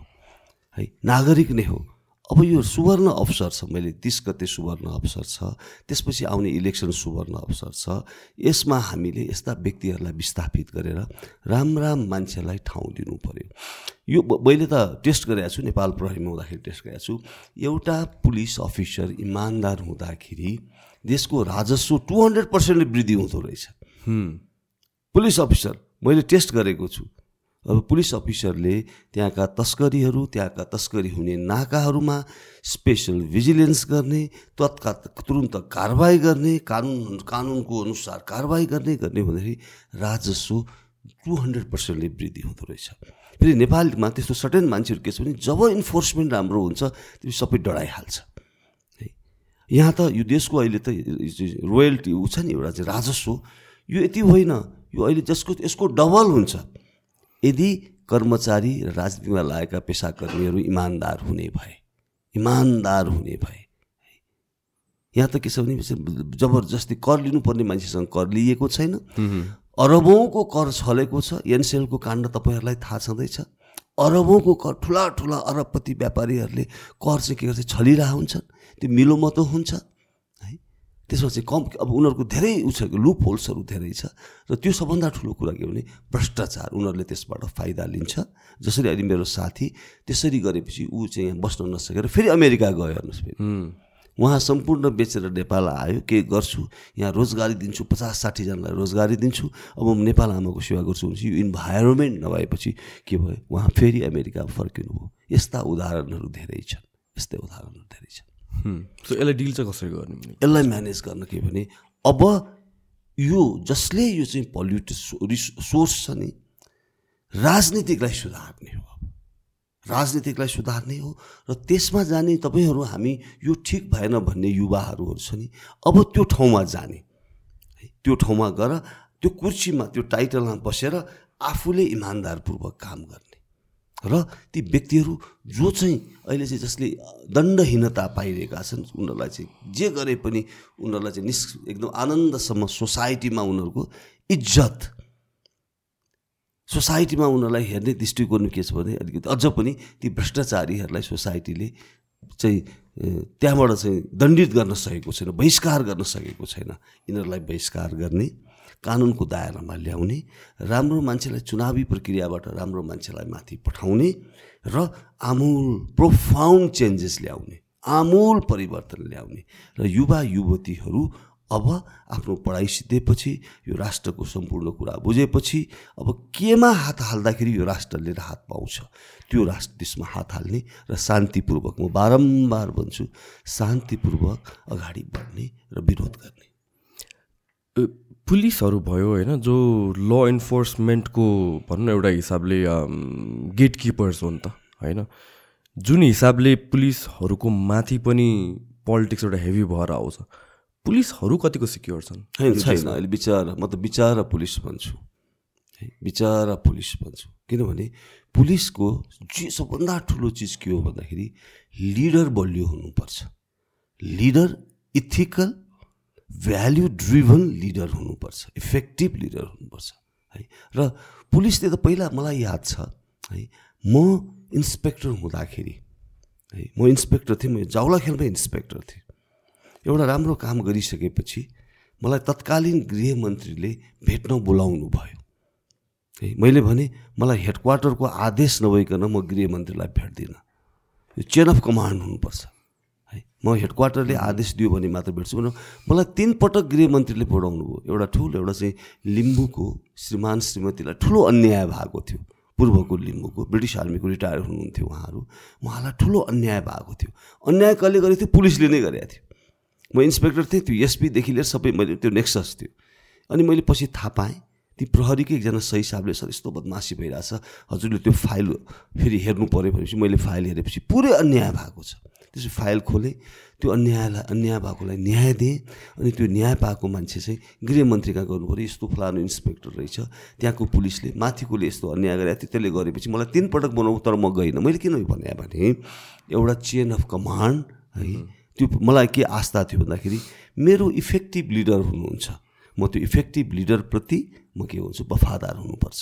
म मेरो सङ्गठनप्रति वफादार हुनुपर्छ म कहीँ पनि गइनँ तिन पटक बोलाउँदा पनि गएन तर अहिलेको अवस्था के छ भने मैले किन बताइरहेको भने अहिलेको अवस्था के छ भन्दाखेरि त्यो इफेक्टिभ लिडर नभएपछि अनि त्यो लिडरका त्यो पुलिसको लिडर कहाँ अब नगएर अहिले चाहिँ नेता नेताका नेता त राजनीतिक पेसाकर्मीहरूको घर घरमा। एउटा सिपाही पनि पुगेको हुन्छ बिचरा। एउटा सरुवामा पनि पुगेको हुन्छ। प्रमोसनमा पनि पुगेको हुन्छ। अहिले त देख्छु मैले सुनेको छु। त्यो चाहिँ त्यो के अरे हेडक्वार्टर खाली हुन्छ अरे पुलिसहरूको चाहिँ। त्यो चाहिँ आइजिपीको निवासमा कोही मुसो पनि जाँदैन। अनि सबै चाहिँ चाहिँ व्यवसायी हुन्छ नि राजनीतिलाई व्यवसायका चाकडी गर्ने। अनि ऊ के अनि कुन मोरालले उसले चाहिँ पुलिसिङ गर्ने? कुन मोरालले जब ऊ प्रोटेक्टेड हुँदैन उसलाई रिवार्ड हुँदैन उसलाई चाहिँ बदमास गर्नेलाई पनिसमेन्ट हुँदैन सबै स्याउलाई त्यो चाहिँ बिग्रेको स्याउ होइन स गुड एप्पल ब्याड एप्पललाई एउटै टोकरीमा राखिन्छ अनि सिद्धिएन अनि त्यसपछि त अनि सबै पोल्युटेड भएन भएको त्यही हो। क्रिमिनलहरूसँग डिल गर्दाखेरि उनीहरूको माइन्ड सेट कस्तो हुन्छ? होइन टफ पुलिस अफिसरले के गर्छ? दायाँमा हेर्दैन कानुनले के भनेको छ? प्रमाण जुटाउने त्यसलाई कानुनको दायरामा ल्याउने। गर्छ। टफ पुलिस अफिसरले। अब त्यस्तै बेमान पुलिस अफिसरले के गर्छ? उसँग मिलोमतो हुन्छ। उसँग मिलोमतो हुन्छ। उसँग चाहिँ उसको खाइ उठबस हुन्छ है? उठबस हुन्छ। अनि उसबाट चाहिँ महिनाभरि फाइदा ल्या हुन्छ। यस्तो यस्तो व्यापक छ। इट डिपेन्ड्स अब यहाँ त के हो भन्दाखेरि यो चाहिँ कुनै मान्छे कुनै पुलिस अफिसर अहिले पनि प्रशस्त पुलिस अफिसर हुनुहुन्छ जो आफ्नो इन्टिग्रिटी इथिक्सभन्दा बाहिर जानुहुन्न। उहाँहरूले के गर्नुहुन्छ? क्रिमिनल्सहरूलाई सधैँ सधैँ के गर्नुहुन्छ कानुनको दायरामा ल्याउनुहुन्छ। तर अब अहिले हाबी के हो भन्दाखेरि क्रिमिनल्सहरू व्हाइट कलर क्रिमिनल्सहरू अहिले देशै क्रिमिनल्सहरूले नाइन्टी फाइभ पर्सेन्ट क्रिमिनल्सहरूले देश चलाइरहेका छन्। नाइन्टी फाइभ पर्सेन्ट भ्रष्टाचारी छन्। भ्रष्टाचारी भनेको क्रिमिनल हो? त्यसरी चलिरहेको छ। त्यस कारणले पुलिसको चाहिँ के छ भने अझ पनि अझ पनि छ हामी कहाँ? पुलिसका अफिसरहरू बोल्ड अफिसरहरू अनेस्ट अफिसरहरू छन्। उनीहरूले कोहीसँग नि कम्प्रोमाइज गर्दैन। त्यस्तो त्यो त्यसरी चाहिँ उसले डिल गर्दाखेरि त्यसरी उसले के गर्छ उनीहरूलाई कानुनमा ल्याएर दायरामा ल्याएर गर्छ। र जबसम्म जस्तै तपाईँलाई एउटा इन्स्ट्यान्ट भन्नु अहिले हामी ललितपुरमा छौँ। ललितपुरको चाहिँ चिफ पुलिसको चिफ बलियो भयो भने के हुन्छ यहाँ अपराधी कोही पनि बस्दै बस्दै यहाँबाट भागेर जान्छ। जान्छ कहाँ जान्छ? कमजोर कहाँ छ? कमजोर लिडर कहाँ छ पुलिस? जसलाई चाहिँ किन्न सकिन्छ होइन? जहाँ चाहिँ इन्फ्लुएन्स गर्न सकिन्छ त्यहाँ गएर लुक्छ ऊ। त्यहाँ गएर आनन्दले बस्छ र ऊ बसिन्जेलसम्म अनि उसले के गर्छ? त्यो पुलिस अफिसरलाई त्यहाँबाट सरुवा गर्नको लागि पावर सेन्टरमा जान्छ। यो त हाम्रो आदेश मानेन। हामीलाई दुःख दियो भनेर जान्छ। है त्यसरी के भन्छ? अनि त्यो पुलिसलाई बिना कसुर सरुवा गरिदिन्छ त्यो राजनीतिकका लागि। तपाईँको बेलामा पनि त्यही भएको। मेरो बेलामा पनि धेरै भएको थियो त्यो। मेरो मलाई पनि के त भन्दाखेरि सरुवा गर्न मेरो त चाहिँ फो टेलिफोनमा मेरो झगडै हुन्थ्यो। झगडै हुन्थ्यो। उहाँहरूले भन्नुहुन्थ्यो ती त मेरा चाहिँ भाइहरू भन्नुहुन्थ्यो गुन्डाहरूलाई अपराधीहरूलाई। ती भाइ होइन ती अपराधी हो हजुर। भनेपछि तपाईँ म मलाई चाहिँदैन भनेर उहाँहरूले भन्नुहुन्थ्यो। म त मलाई चाहिँदैन। म तपाईँबाट कुनै अन्डु एडभान्टेज लिन्न। अनि मेरो तपाईँलाई शुभकामना। तपाईँ देशको प्रधानमन्त्री हुनुहोस्। म पुलिस अफिसर हुँ। पुलिस अफिसरको हैसियतले काम गर्छु। म तपाईँको घरमा मलाई यस्तो चाहियो मलाई यस्तो सब मलाई सुविधा दिनुहोस् भनेर तपाईँ कहाँ कहिले पनि आउँदिनँ। म पुलिसिङै गर्छु पक्का पुलिसिङ गर्छु। म जहाँ जहाँ पुग्छु पुग्छु। मलाई मतलब छैन भनेर चाहिँ मैले ठाडो जवाब अझ भन्नुपर्दा ओठे जवाब दिन्थेँ मैले। है अब यस्ता पुलिस अफिसरहरूले कम हुँदै गइरहेका छन् कम हुँदै गइरहेका छन्। अहिले पुलिस अफिसरहरू भनौँ न एउटा शब्द युज गर्दाखेरि चाहिँ बडा मलाई आफूलाई दिक्क लाग्छ। यही अवस्था भयो भने नेपाल पुलिस एउटा हुन्छ नि नगरपालिकाको पुलिस जस्तो हुन्छ। चाहिँ बाघको सिंहको त्यो दाङ नङ्ग्रा दारा हुन्छ नि निस्केको। त्यसले त केही गर्न सक्दैन नि। फिबल केही गर्न नसक्ने। लुत्रुक्क परेको पुलिस अफिसर हुन्छ। त्यस कारणले अब लुत्रुक्क परेको पुलिस अफिसर हामीलाई चाहिएको छैन। हामीलाई बोल्ड पुलिस अफिसर चाहिएको छ प्रोफेसनल चाहिएको छ इमान्दार पुलिस अफिसर चाहिएको छ नागरिकलाई सेवा गर्ने पुलिस अफिसर हामीलाई चाहिएको छ। एउटा कुरा बेला बेलामा उठ्ने के हो भनेपछि क्रिमिनल त अब सबै टाइपको हुन्छ होइन? अब जसरी ट्रिट गरिन्छ पुलिसको द्वारा पनि होइन? इनह्युमेन वेमा ट्रिट गरिन्छ भनेर भनिन्छ कस्टडीमा भएको बेलामा। त्यो कसरी हुन्छ र त्यो पनिसेबल एक्ट होइन र? एकदम गर्न पाइँदैन। ह्युमन राइट्सको भायोलेसन त्यो। मैले यहाँलाई भनौँ म पुलिसमा जागिर खाँदाखेरिको अवस्था र अहिले धेरै फरक भइसकेको छ। अहिले धेरै पुलिस अफिसरहरू के भन्छ इन्टरनेसनल एक्सपोजर पाएका छन् युनाइटेड नेसन्समा पिस किपिङमा गएर आएका छन् र जो मान्छेले ह्युमन राइट्स भायोलेसन गर्छन् उसलाई चाहिँ के त भन्दाखेरि चाहिँ युएन पिस किपिङमा जान पनि वञ्चित गरिएको छ उनीहरू भेटिङा पर्छ त्यस्तो मान्छेहरूलाई लाँदैन। र अहिले पुलिसमा लिमिटेड रिसोर्सेसले पनि अहिले जुन यहाँले भन्नु खोज्नु भएको थर्ड डिग्री मेथड भन्छ त्यसलाई थर्ड डिग्री मेथड अहिले धेरै कम भइसकेको छ। सो बिकज अफ डिसिप्लिन अवेरनेसहरू यो? अवेरनेस हो एक्सपोजर हो इन्ट ह्युमन राइट्सको उसले चाहिँ क्लासेसहरू टेन ट्रेनिङ ह्युमन राइट्सको ट्रेनिङ गरेको हुन्छ।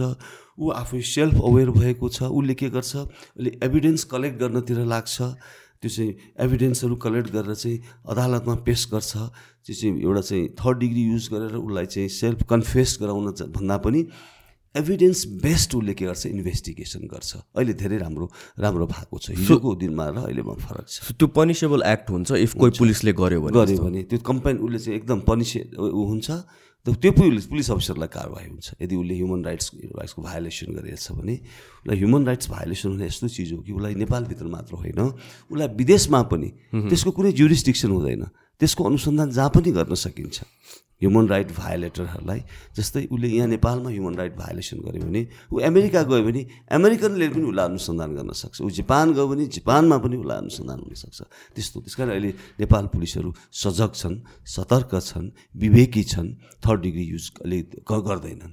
सो पुलिस फोर्समा लास्ट एउटा है त पुलिस फोर्समा भएकोहरूको पुलिसहरूको भनौँ न के अरे पर्सनल लाइफ भन्ने हुन्छ। किन सर्टन आवर्स ड्युटी भनेर त हुँदैन होला। जतिखेर पनि जे पनि इमर्जेन्सी पर्नुपर्ने सो वर्क लाइफ ब्यालेन्स भने कस्तो हुन्छ? यस्तो हो। वर्क र लाइफ त कम्पेयरै गर्न मिल्दैन। लाइफ भन्ने कति ठुलो कुरा ठुलो वर्क भन्ने एकातिर हो होइन? पर्सनल लाइफ प्रोफेसनल लाइफ भन्छ। पर्सनल लाइफ स्टडीबाट पनि के छ भने personal life is eighty five percent अनि professional life is fifteen percent तर पुलिसमा कस्तो छ भने twenty four of course certain एरियाहरूमा जस्तै तपाईँ अब काठमाडौँको चाहिँ एसपी हुनुभयो भने तपाईँले सुत्न पाउनु हुँदैन। Very tough twenty four hours चाहिँ तपाईँ उ गर्नुपर्छ। काठमाडौँको पुलिस सुत्नै पाउँदैन बिचराहरू। अठार उन्नाइस घन्टासम्म उनीहरू तपाईँले सडकमा देखिरहनुहुन्छ। है त्यो चाहिँ छ गाह्रो छ। त्यो ब्या त्यो चाहिँ मिलाउनलाई आफ्नो चाहिँ पर्सनल लाइफ प्रोफेसनल लाइफ मिलाउनु उनीहरूलाई धेरै ठुलो चाहिँ गाह्रो छ। टफ छ। त्यसैले नेपाल प्रहरी ब्यारेक सिस्टममा बस्छ। नेपाल प्रहरीलाई रासन दिएको कारण पनि त्यही हो। ब्यारेक कुनै बेला पनि कहाँ मुभ गर्नुपर्ने हुन्छ। तर यसलाई चाहिँ के गर्नुपर्छ भन्दाखेरि हामीले म्यानेज गर्नुपर्छ। इफेक्टिभली म्यानेज गर्नुपर्छ। हामीले गऱ्यौँ नगरे होइन। हामी सधैँ अलर्ट हुन्थ्यौँ। है ट्वेन्टी फोर आवर्सै अलर्ट हुन्थ्यौँ। कुनै पनि बेलामा हामी मुभ गर्नुपर्ने अवस्था हुन्छ। जस्तै हेड क्वार्टरमा बसेको पुलिस पनि अन कलमा मुभ हुन्छ। ऊ घरमा त जान्छ ऊ क्वार्टरमा त बस्छ तर अनकलमा ऊ मुभ हुनुपर्छ। यो चाहिँ असाध्यै टफ छ पुलिसलाई। त्यसलाई स्ट्रेसफुल जागिर हो यो प्रहरी। है। झन् अहिले त के भन्दा झन् किन स्ट्रेसफुल भयो भने प्रहरीको चाहिँ कामको मूल्याङ्कन भएन। मूल्याङ्कन कसले कसले गर्ने भए जो चाहिँ बालुवाटारमा छन् महारानीहरूले मूल्याङ्कन गर्ने भए छोराहरू राजकुमारहरूले मूल्याङ्कन गर्ने भए दलालहरूले मूल्याङ्कन गर्ने भए यतिसम्म कि है यतिसम्म कि मैले अहिले पनि कोर्टबाट निकालेर गर्ने त्यहाँ हेडक्वार्टरसँग ऊ छैन। कति पोस्ट क्रिएट गर्ने पनि हेडक्वार्टरको सल्लाह लिइँदैन। उनीहरूले आफ्नो मान्छे कसलाई प्रमोसन गर्नुपर्छ कुन कुन पोस्टमा गर्नुपर्छ त्यो छ्यालिस सालदेखि नै त्यही भइराख्यो। यो दुर्भाग्य हो यो पाप उहाँहरूलाई लाग्छ ज जसले गर्नुभयो जो जो त्यसमा सहभागी हुनुभयो जस्तै म पुलिस अफिसर पनि उहाँहरूको चाहिँ उसमा पापमा सहभागी भयो भने म पनि त्यसको चाहिँ मलाई पनि त्यो पाप लाग्छ। फेरि पाप के हो भने धुरीबाट कराउँछ भन्ने कुरा यही जन्ममा भोग्नुपर्छ। यही जन्ममा भोग्नुपर्छ र यसमा चाहिँ हामी बरु सतर्क सतर्क हुनुपर्छ। त्यो दुई करोड नब्बे लाख नेपाली जनताहरू नेपाल पुलिस मात्र होइन सबै इन्स्टिट्युसन बलियो हुनुपर्दछ। बलियो हुनुपर्दछ। मलाई एकताल याद छ म एकताल युनाइटेड स्टेट्समा एउटा चाहिँ प्रोग्राममा गएको थिएँ अनि त्यसपछि एउटा घुम्ने सिलसिलामा त्यहाँ चाहिँ हिउँ परिरहेको थियो इस्टर्न इस्ट अमेरिकामा हिउँ परेको थियो। एउटा चाहिँ एउटा घर चाहिँ उसको जोन केरीको घरमा है घर अगाडि हिउँ ठुलो परेछ। हिउँ परिसकेपछि त्यता त्यो त्यसको जिम्मेवारी कसको? त्यही घर धनीले त्यसलाई चाहिँ हिउँलाई त्यहाँबाट चाहिँ गर्नुपर्छ हटाउनुपर्छ। उहाँ त्यो बेलामा विदेश मन्त्री हुनुहुन्थ्यो। विदेश सचिव विदेश मन्त्रालय सम्हाल्नु भएको थियो। उहाँले भ्याउनु के भएन? म्युनिसिप्यालिटी म्युनिसिप्यालिटीले उहाँलाई पैँतिस डलर के गर्यो? फाइन फाइन तिरायो त्यो हो कानुनी राज्य। र उहाँले के गर्नु? हो आइएम भेरी सरी। ओके मेरो टाइम मैले मेरो इन्टेन्सन यो होइन। मेरो टाइम कन्सटेन्टले गर्दाखेरि मैले यो सफा गर्न सकिनँ। आइएम सो सरी भनेर अमेरिकन जनतासँग माफ माग्नुभयो र पैँतिस डलर पनि तिर्नुभयो। योग भने कानुनी राज्य हो। कानुनको कानुनको कानुनको उल्लङ्घन गर्ने कानुनको कानुनबाट भागीदार हुनुपर्छ।